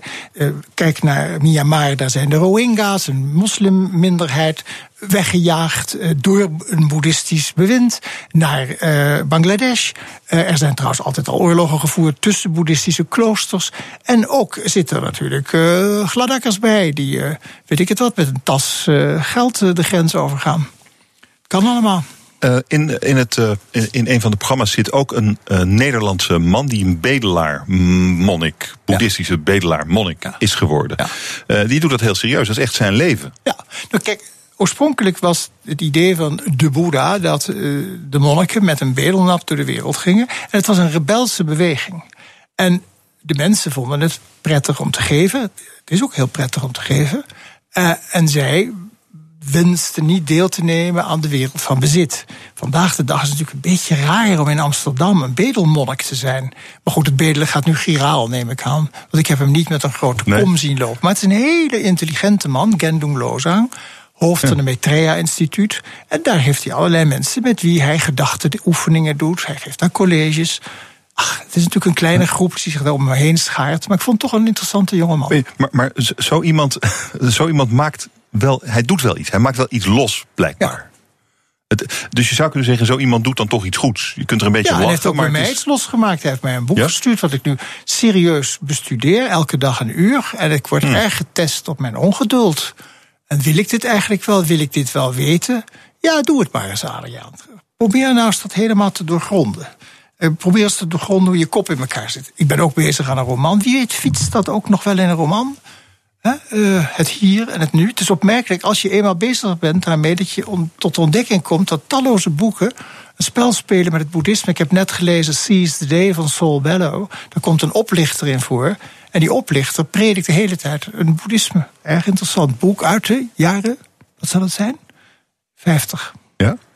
U bent zelf natuurlijk ook al tientallen jaren met dat boeddhisme bezig eigenlijk, hè? Op een vreemde manier ben ik natuurlijk opgevoed, of natuurlijk, ik ben opgevoed in een milieu, uh, Nederlands-Indisch gezin.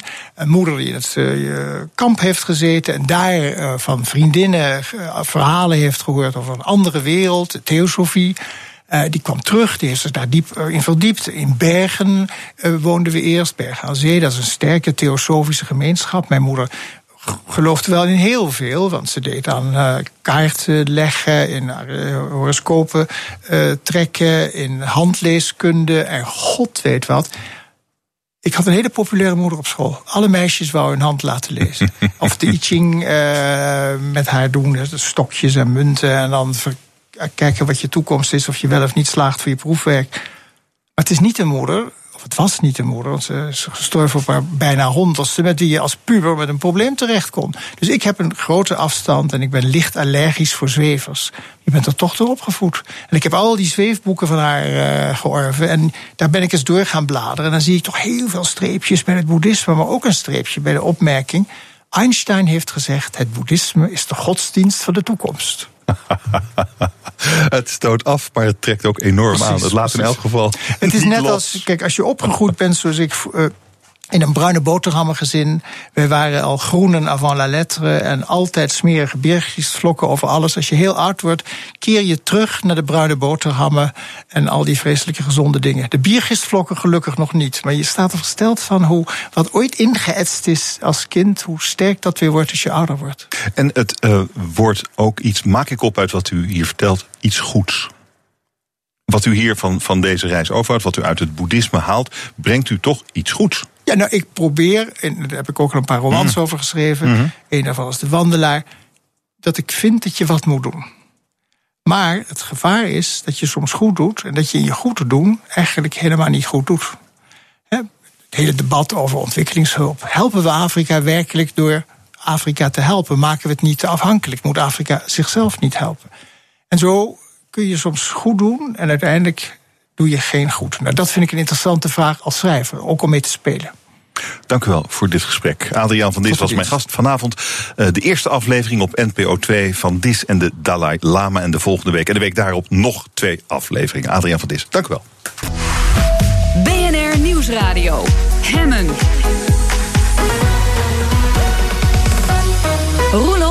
Dodental van de ramp met de brug in Genua, Italië, staat inmiddels op 35. Bespreek het in... De kantine. Met vandaag Bianca Pander van campagnebureau BKB... en Marieke Smits, politiek journalist bij Omroep WNL. Mooi dat jullie er zijn, welkom. Dank je. Uh, bijna 24 uur na de instorting van die brug... Het, ziet het er nog steeds uh, apocalyptisch uit, onwerkelijk. Vind je niet, Marieke? Hoe kijk jij ernaar? Ja, naar die beelden uh, die je gisteren ook al zag, uh, heel erg van geschrokken. Dat je ook denkt, dit is echt je ergste nachtmerrie. Dat je dan op zo'n brug rijdt, die dan gewoon instort. En ja, we hebben mij... er allemaal wel eens overheen gereden. Ja, precies. Ja. ja. Ja, ik moest ook denken aan die, uh, aan die Merwedebrug, A27. Mm. Toen heel veel over gemokt werd door, door de vrachtwagenchauffeurs... en de mensen die natuurlijk ook dagelijks over die brug rijden. Um, maar ja, toen hebben ze natuurlijk gezegd van... we zien haarscheurtjes en daar moeten we op tijd bij zijn. En, en nu hoor je dus ook daar dat ze, dat ze eigenlijk al jaren zeggen dat deze brug op instorten stond. En dat ik dan denk, nou, ik ben blij dat het hier in Nederland in ieder geval dan een paar maanden wordt, wordt stilgelegd en er iets aan wordt gedaan. En hier begrijp ik dan niet helemaal wat er dan mis is gegaan dat er dus nog steeds niks is gebeurd. Misschien is wat er mis is gegaan Italië? Wat denk jij, Bianca? Nou ja, dat is natuurlijk de geluiden die je nu ook overal hoort en leest. Uh, ja, maar dit is, er zijn al meerdere rapporten ook gepubliceerd waar ervoor gewaarschuwd werd. Dus het is echt frappant dat er gewoon niet ingrepen is door minder verkeer over de brug te laten gaan. Bijvoorbeeld, want ik begreep dat dat een van de grootste problemen is. Dat het gewoon in de jaren 60 gebouwd is. Toen vrachtwagens nog veel minder beladen waren, veel minder zwaar waren. En dat er ook veel minder verkeer was. Dus ja, dat je dat gewoon maar een soort hebt laten toestaan, dat is natuurlijk wel bizar. Dus hier eh, gaat nog veel koppen over rollen, vrees ik. Ja, moeten, moeten er koppen over rollen? Wie, en wie is kop dan? Nou ja, dat is dus de vraag nu wie, er, wie er verantwoordelijk voor is. Hè? Want het was in beheer, begreep ik, van een privaat bedrijf. Dus daar is in ieder geval iets misgegaan. Maar ja, ik neem aan ook de overheid heeft hier natuurlijk een taak in. Dus daar zal ook iemand een, een verantwoordelijkheid moeten nemen en zeggen: ja, ik heb gewoon niet op tijd ingegrepen, lijkt mij. Maar ja, toen was daar opeens die politicus, die Salvini, die, die minister, die zei van ja, komt door Europa. Ja, ja. Ah. Nou ja, dat wat, wat dacht je toen? Nou ja, makkelijk praten. En um, daarbij uh, las ik ook dat hij uh, natuurlijk van de Vijf Sterrenbeweging is. En zijn partij twee jaar geleden zelf tegen heeft gestemd. Tegen een renovatie van die brug. Dus dat vind ik allemaal wel heel makkelijk van deze man uh, praten. En nu vind ik het wel goed dat er meteen actie wordt ondernomen natuurlijk. Dat is denk ik wel goed. Er is ook nu een hoofdaanklager hm. die meteen een strafrechtelijk onderzoek is begonnen. Dus ik denk dat het goed is dat meteen actie wordt ondernomen. Maar ik vind het heel makkelijk om hier in deze, in deze zin naar Europa uh, te wijzen. Ja, het lijkt me ook veel te vroeg om nu al als politicus te zeggen... die is de schuldige of die is de schuldige. Precies. Volgens mij moet je eerst afwachten... wie was er überhaupt verantwoordelijk voor? Waar is het fout gegaan? Waarom zijn die rapporten in een laadbrand... en niet bij iemand op het bureau en direct daar op basis daarvan ingegrepen? Dus om nu al mhm. gelijk te wijzen naar Europa... ik denk dat hij die straks als een boemerang terugkrijgt.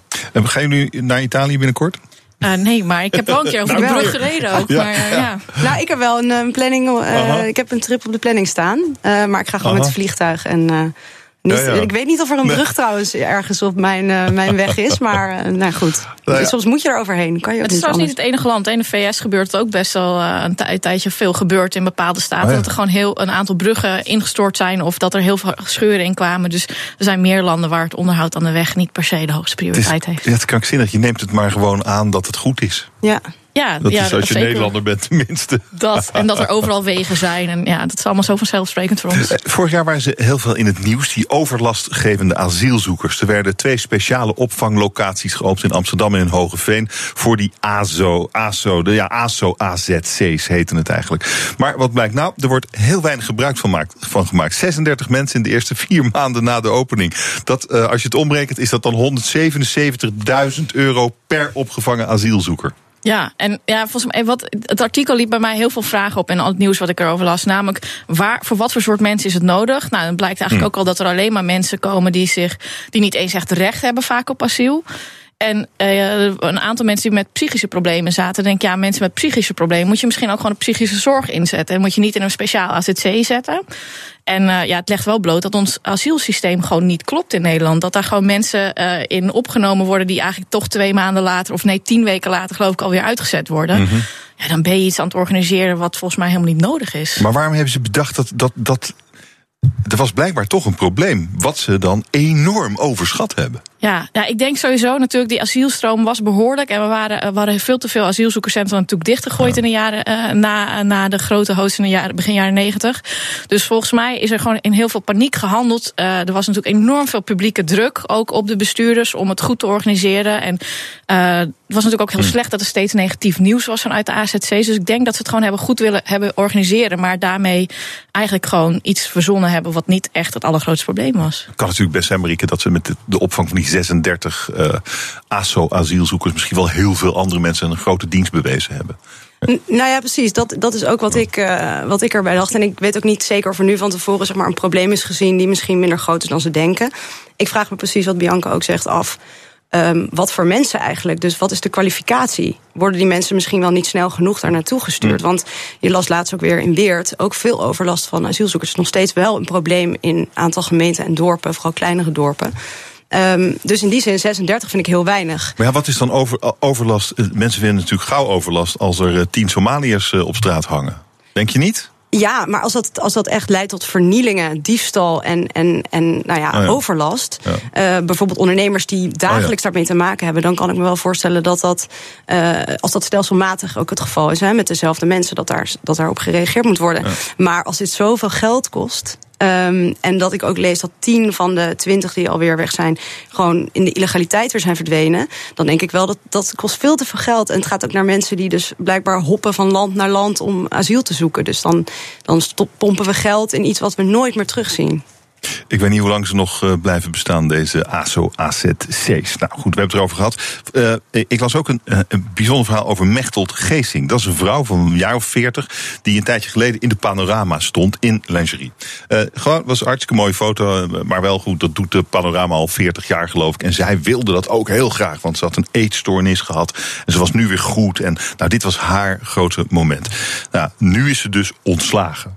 Ja, door die foto. Ja, ik vind dat echt absurd. Ik bedoel, vooral, uh, kijk, uh, ik kan me voorstellen dat in bepaalde bedrijven, als je met kinderen werkt of zo, dat er nog bezwaren zijn vanuit de ouders of zo. Maar alsnog, je ontslaat toch niemand uh, vanwege een iets wat pikante foto. Vooral niet omdat ze er een persoonlijk verhaal mee wilden vertellen. Mm. Dat vind ik helemaal het gek aan dit voorbeeld. Ik echt denk, ze wilde er een verhaal mee vertellen. Dat heeft ze op haar manier gedaan om te laten zien dat ze weer trots op de lijf is. Ja, dan ga je toch niet om ontslaan. Ik vond het echt absurd als we weer terug zijn in de jaren twintig of zo, joh. Ja, nou, er was nog wel, geloof ik, iets meer aan de hand, want ze had ook Marieke vertellen. Ja, nou ja, ik, ik las ook in de commentaren van, um, nou ja, goed, het bedrijf wat haar dan zou hebben ontslagen, dat dat in principe niet om de foto ging, maar het feit dat ze daarna in de media haar boosheid heeft uh, afgereageerd. Ja, over dus, een gesprek met haar werkgever over precies. die foto. Dus het, ja, het ja, was iets die, gecompliceerder, maar. Precies, maar ik, ik had meteen associatie met de foto van Baudet. Oh, ja. Ik weet niet of andere mensen dat ook hadden, maar dat is natuurlijk ook een publiek figuur die, nou ja, toch wel semi-naakt op een zwembadrand uh, ligt. Um, en ik vind eigenlijk dat we zo'n preut landje zijn geworden dat er zoveel commotie om dit soort foto's ontstaan. En ik moet zeggen, die van Baudet vind ik dan nog iets pikanter dan de, deze mevrouw. Ja, die was gewoon die was, bloot. Ja, ja, ja. precies. En deze mevrouw had nog wel gewoon nette zwarte lingerie mm. aan. En uh, goed, uh, volgens mij heeft haar bedrijf tegen haar gezegd, haar werkgever toen van, oké, okay, dat is een privé kwestie. En daar heeft zij, vind ik, best wel fel op gereageerd. Want ik vind het ook een privé kwestie. Dus in mm -hmm. die zin, als zij was benaderd door de media, dan had zij gewoon kunnen zeggen, dat is een privé kwestie. En dat was volgens mij de kous afgewezen. Ja. Maar nu is het natuurlijk nou enorm geëscaleerd. En, ja, en voor en, haar dramatisch wel geëindigd. Ze heeft het ook over een christelijk dorp in het oosten van het land, het, ja. waarvan ze ook weer spijt kreeg. Ja, het is een beetje. Mm, ze hadden het beter bij die foto kunnen laten. Helaas, wel ja. vervelend dit. Uh, uh, goed nieuws deze ochtend. Nederlanders bewegen meer dan welk volk dan ooit in Europa. Ja, maar het is ook in dat Nederland zo goed georganiseerd. uh, ik was recent weer in Amerika en dan wilde ik eigenlijk in Los Angeles en wilde ik wandelend naar, uh, naar een restaurant. Maar dat kon gewoon helemaal niet, voor geen stoep. geen stoepen. Dus in Nederland kan je overal wandelen naartoe. Het is ook nog de snelste Aha. manier vaak. Nou, op je fiets in ieder geval is het veel sneller dan wat dan ook. Ik bedoel, de Noord-Zuidlijn is fijn hier in Amsterdam, maar je kan vaak nog steeds sneller het fietsje pakken en de pont.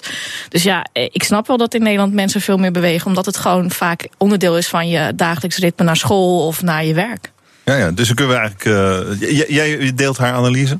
Ja, Marieke, ja, ja, ja, zeker, ja. Dus dan kunnen we stoppen met al die campagnes en al dat uh, zit is nieuwe rook, allemaal flauw. Hoewel, dit, er was ook We nieuws. zijn ook zitkampioen. Wij zijn ook zitkampioen Ja. van Europa. Ja. Dus dat is gek. We bewegen het meest en we zitten het meest. We- Kan dat samen? Ja, maar we sporten nog niet voldoende. Hè? Dat was even iets anders. Het is het onderdeel van ons dagelijks ritme door eh, woon-werkverkeer en dergelijke. Maar we sporten wel veel minder dan bijvoorbeeld de Zweden, de Denen en de, de Finnen, geloof ik. Dus Oh eh, misschien moeten we toch nog iets meer naar de sportschool. Nou, volgens mij, wij willen altijd ook graag koploper zijn, eh, merk ik. Want eh, nu zijn we dan toch degene, het land dat het meest beweegt. En alleen, volgens mij, Denemarken, de Zweden en Noorwegen... die, die zitten dan boven ons wat betreft sporten. En dat, dan is dat meteen weer niet goed genoeg. Want denk, nou, volgens mij doen we het dan best wel goed.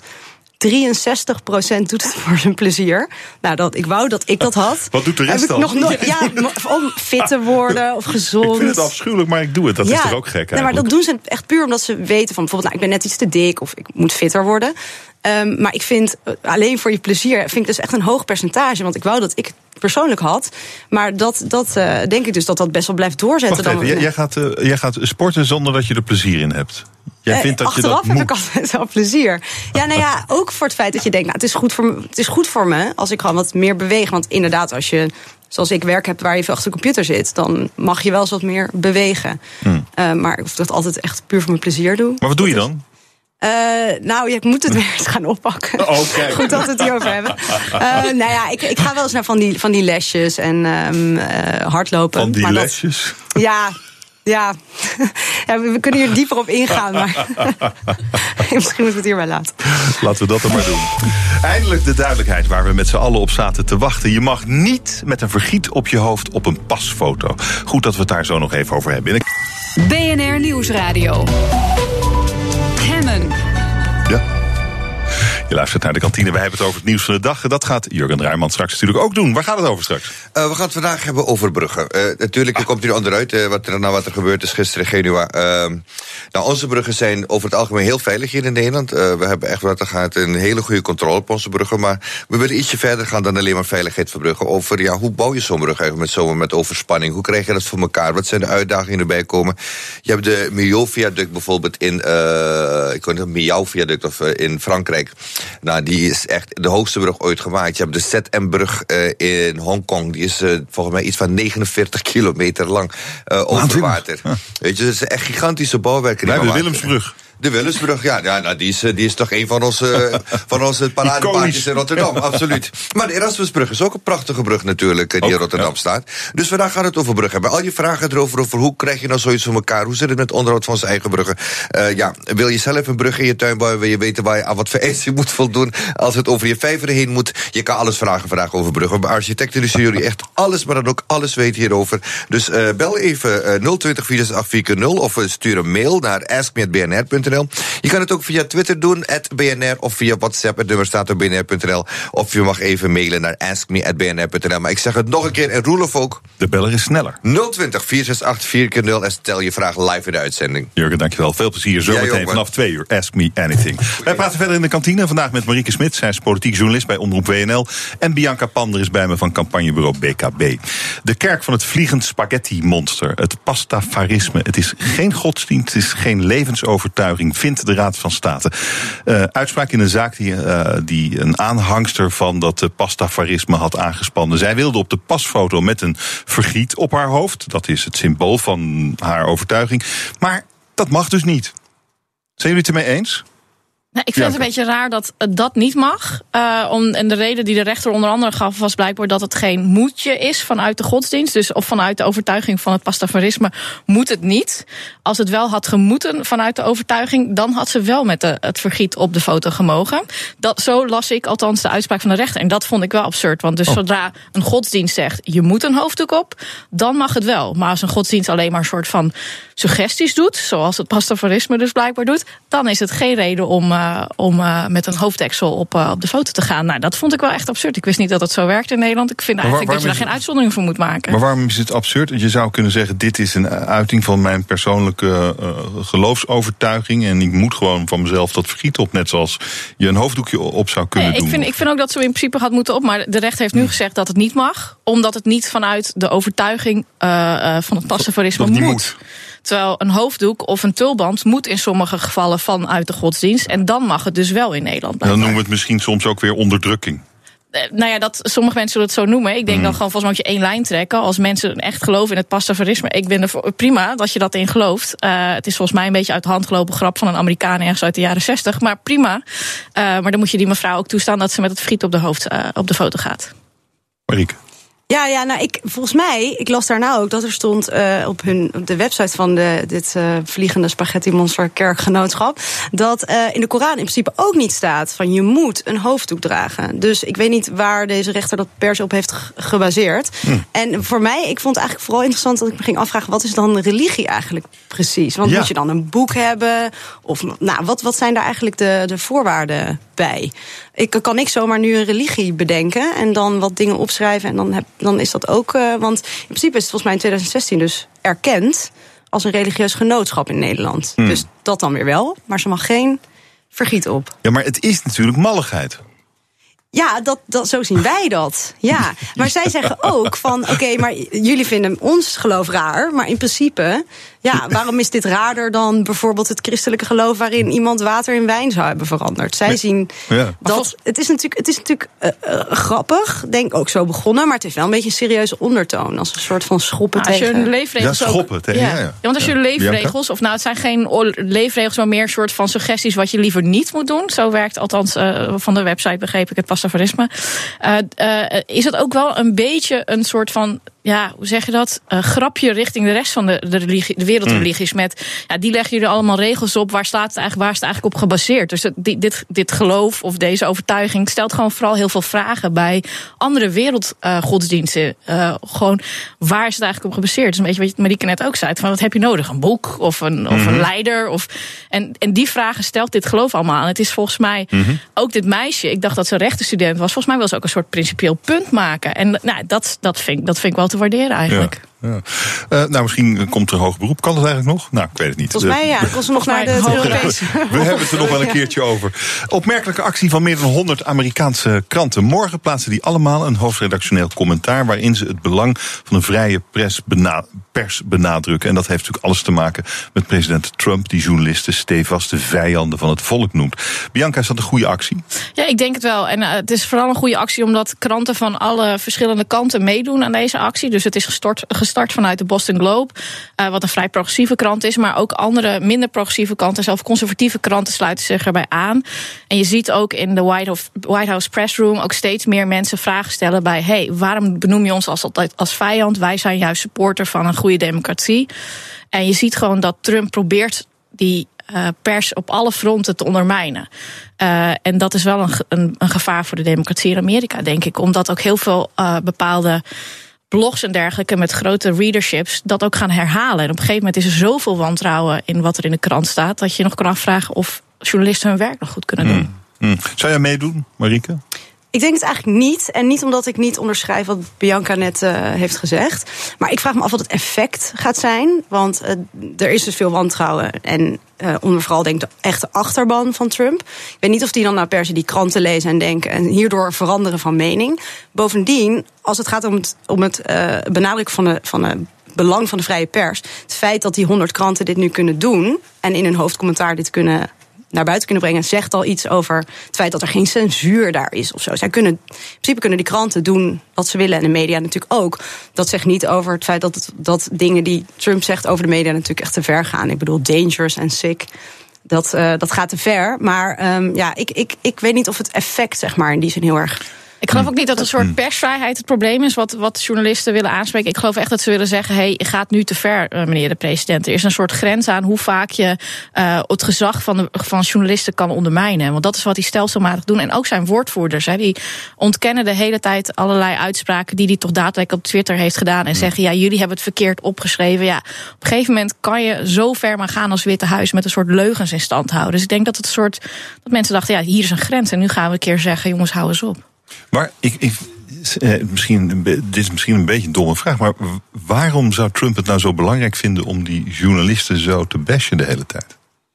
Ja, om zijn eigen positie te verbeteren. Er is natuurlijk Uh, een beetje wat Marieke ook heb zegt. je dat dan nodig? Hoe, hoe nou, zijn eigen achterban natuurlijk, die probeert hij zo dicht mogelijk bij zich te houden. Want hij ziet ook wel dat op heel veel vlakken zijn eh, support aan het afkalven is, is. Behalve onder zijn eigen achterban, daar wordt het alleen maar sterker. En dat is nog best wel een grote groep mensen die nog behoorlijk veel invloed kan uitoefenen op de eh, Republikeinse Partij met name. Dus hij ziet dat denk ik gewoon als kans van hoe harder ik hier aan vasthoud, hoe actiever mijn daadwerkelijke volgers worden en eh, achterban wordt. eh, waardoor de positie van mij sterker is. Ja, maar er is een krant in Amerika die turft hoeveel leugens Trump al heeft gedebuteerd. En ze zijn nu geloof ik op 4000 eh, zoveel. Ja, klopt. Echt gewoon bewezen leugens. Ja, ja, ja, het is echt eigenlijk shocking als je erover nadenkt. eh, dat hij, geloof ik, in zijn eerste twee maanden al meer leugens had verteld dan de vorige twee presidenten bij elkaar.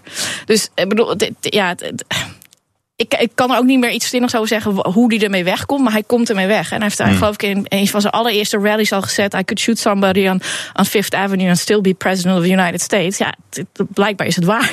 Hij komt met heel veel leugens gewoon weg. Het is natuurlijk ook een vicieuze cirkel, want hij blijft de, de journalisten bashen en zij blijven aandacht besteden aan Trump. En zo gaat dat door. En het zou ook zo fijn zijn als er één dag is dat er even niks over Trump in de krant of in de media, want het is volgens mij alleen maar in de Verenigde Staten. Laten wij er ook maar mee stoppen. Ja. Laten we het over eh, een ander verhaal hebben. De flexdocent is in opkomst.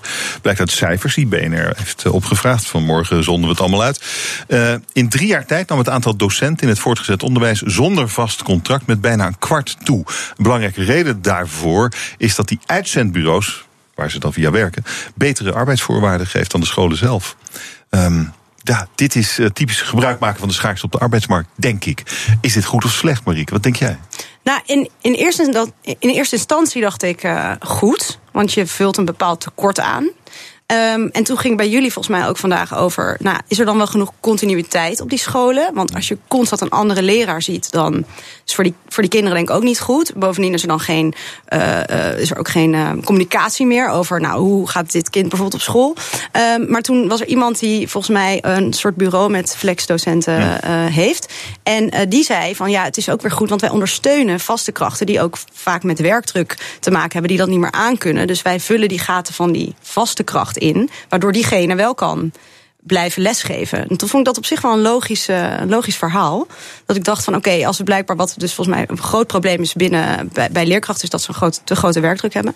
Als dat dat oplost, vind ik het wel een, een zeg maar, en dan is het denk ik wel een korte termijn oplossing. Want als het hopelijk eh, in de toekomst eh, zijn er gewoon allerlei vaste banen Ja, weer voor die oké. Het probleem wat er wel onder ligt is natuurlijk dat we leraren dus feitelijk gewoon te weinig betalen. Dat het niet een aantrekkelijk genoeg beroep is. Terwijl we allemaal volgens mij in Nederland onderschrijven dat eh, docenten een belangrijke functie in onze maatschappij hebben. Dus volgens mij moet daar wel opnieuw naar gekeken worden. Dus als docenten dit nemen als uitweg om toch iets beter te kunnen verdienen, ja, dan gaat er gewoon volgens mij iets mis. Want je wil wel continuïteit in de klas hebben en voor de klas om kinderen goed te kunnen monitoren en om überhaupt gewoon goede lesplannen uit te voeren. Want als je de hele tijd invliegt, moet je hey, waar was ik ook weer begonnen of waar waren jullie geëindigd? En volgens mij moet je gewoon docenten voor de klas hebben Hmm. die ook zekerheid voelen. Ik bedoel, baanonzekerheid doet ook veel met de werkdruk. Dus volgens mij moet je dat uh, goede baanzekerheid en, en een goed soort financiële zekerheid is volgens mij hartstikke belangrijk om goede docenten voor de klas te kunnen hebben. Betaal ze meer. Ja, het zou het probleem. een beetje, maar- ja, ja, zeker. Want het zou het probleem ook veel verschuiven, volgens mij. Dus dat de ene docent dus van de andere school weggaat naar de. Dat, dat lost het probleem natuurlijk niet op. Er is een mysterie aan de hand in het Westland. Daar is midden in het zomerreces een, uh, zomaar een raadsvergadering ingelast.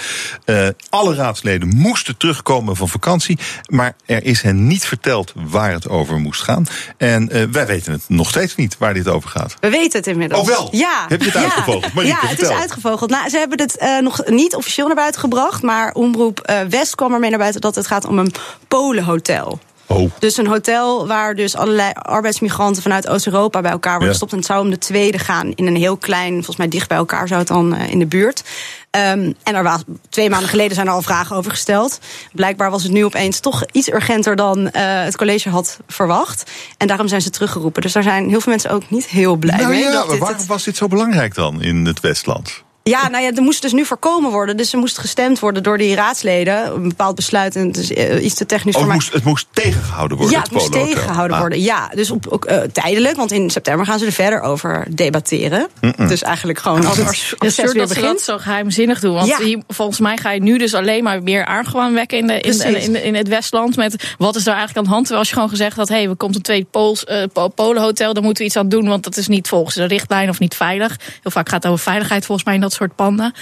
Eh, dan had je volgens mij dit allemaal kunnen voorkomen. Maar nu is het gewoon één grote hijsa. Gaat iedereen naar die raadsvergadering proberen te gaan, volgens mij. Ja, ik vind het echt absurd dat politici denken dat dit soort dingen werken en dat je dingen kan geheim kan houden. Het is Ze, echt- ze hadden blijkbaar een foutje gemaakt, waardoor dat, dat ze hadden iets over het hoofd gezien vermoedelijk. dat, dat zal het wel geweest zijn. Ja. Maar dan kan je dan toch ook gewoon zeggen. Ja, volgens mij is dat de beste Ja? tactiek. Gewoon openlijk zeggen: jongens, we hebben een fout gemaakt. We moeten daar nu eh, voor terugkomen. In plaats van nu, nu door, doordat het zo geheimzinnig is, gaan alle journalisten zoals Marieke er ook bovenop En die laten dit ook niet Het meer is niet tactisch om in de komkommertijd van de politiek zoiets te doen. Want alle ogen van heel Nederland zijn op zo'n regio opeens gericht. Want ja, verder is er bijna geen nieuws natuurlijk te halen. En ja, dat, ik, vooral omdat het om dit nieuws gaat, denk ik, dat had je gewoon kunnen zeggen. Er was niemand echt heel Het geïnteresseerd is wel geweest. eerlijk schitterend dat het binnen een halve dag ook gewoon Ja. bekend is. Ja. Dat vind ik dan wel Het is mooi. wel- ja. Het is eh, tijd helaas om de kantine dicht te gooien. Fijn dat jullie er waren. Bianca Pander van campagnebureau BKB en Marieke Smits, politieke journalist bij Omroep WNL. Dank jullie zeer. Graag gedaan. Dit was het voor vandaag. Morgen ben ik er natuurlijk weer. Dan is Alfons Martens mijn gast. Hij is onder meer verantwoordelijk voor de televisiezender 24 Kitchen. Dat morgen. Nu Jurgen Ruijman met Ask Me Anything. Dag.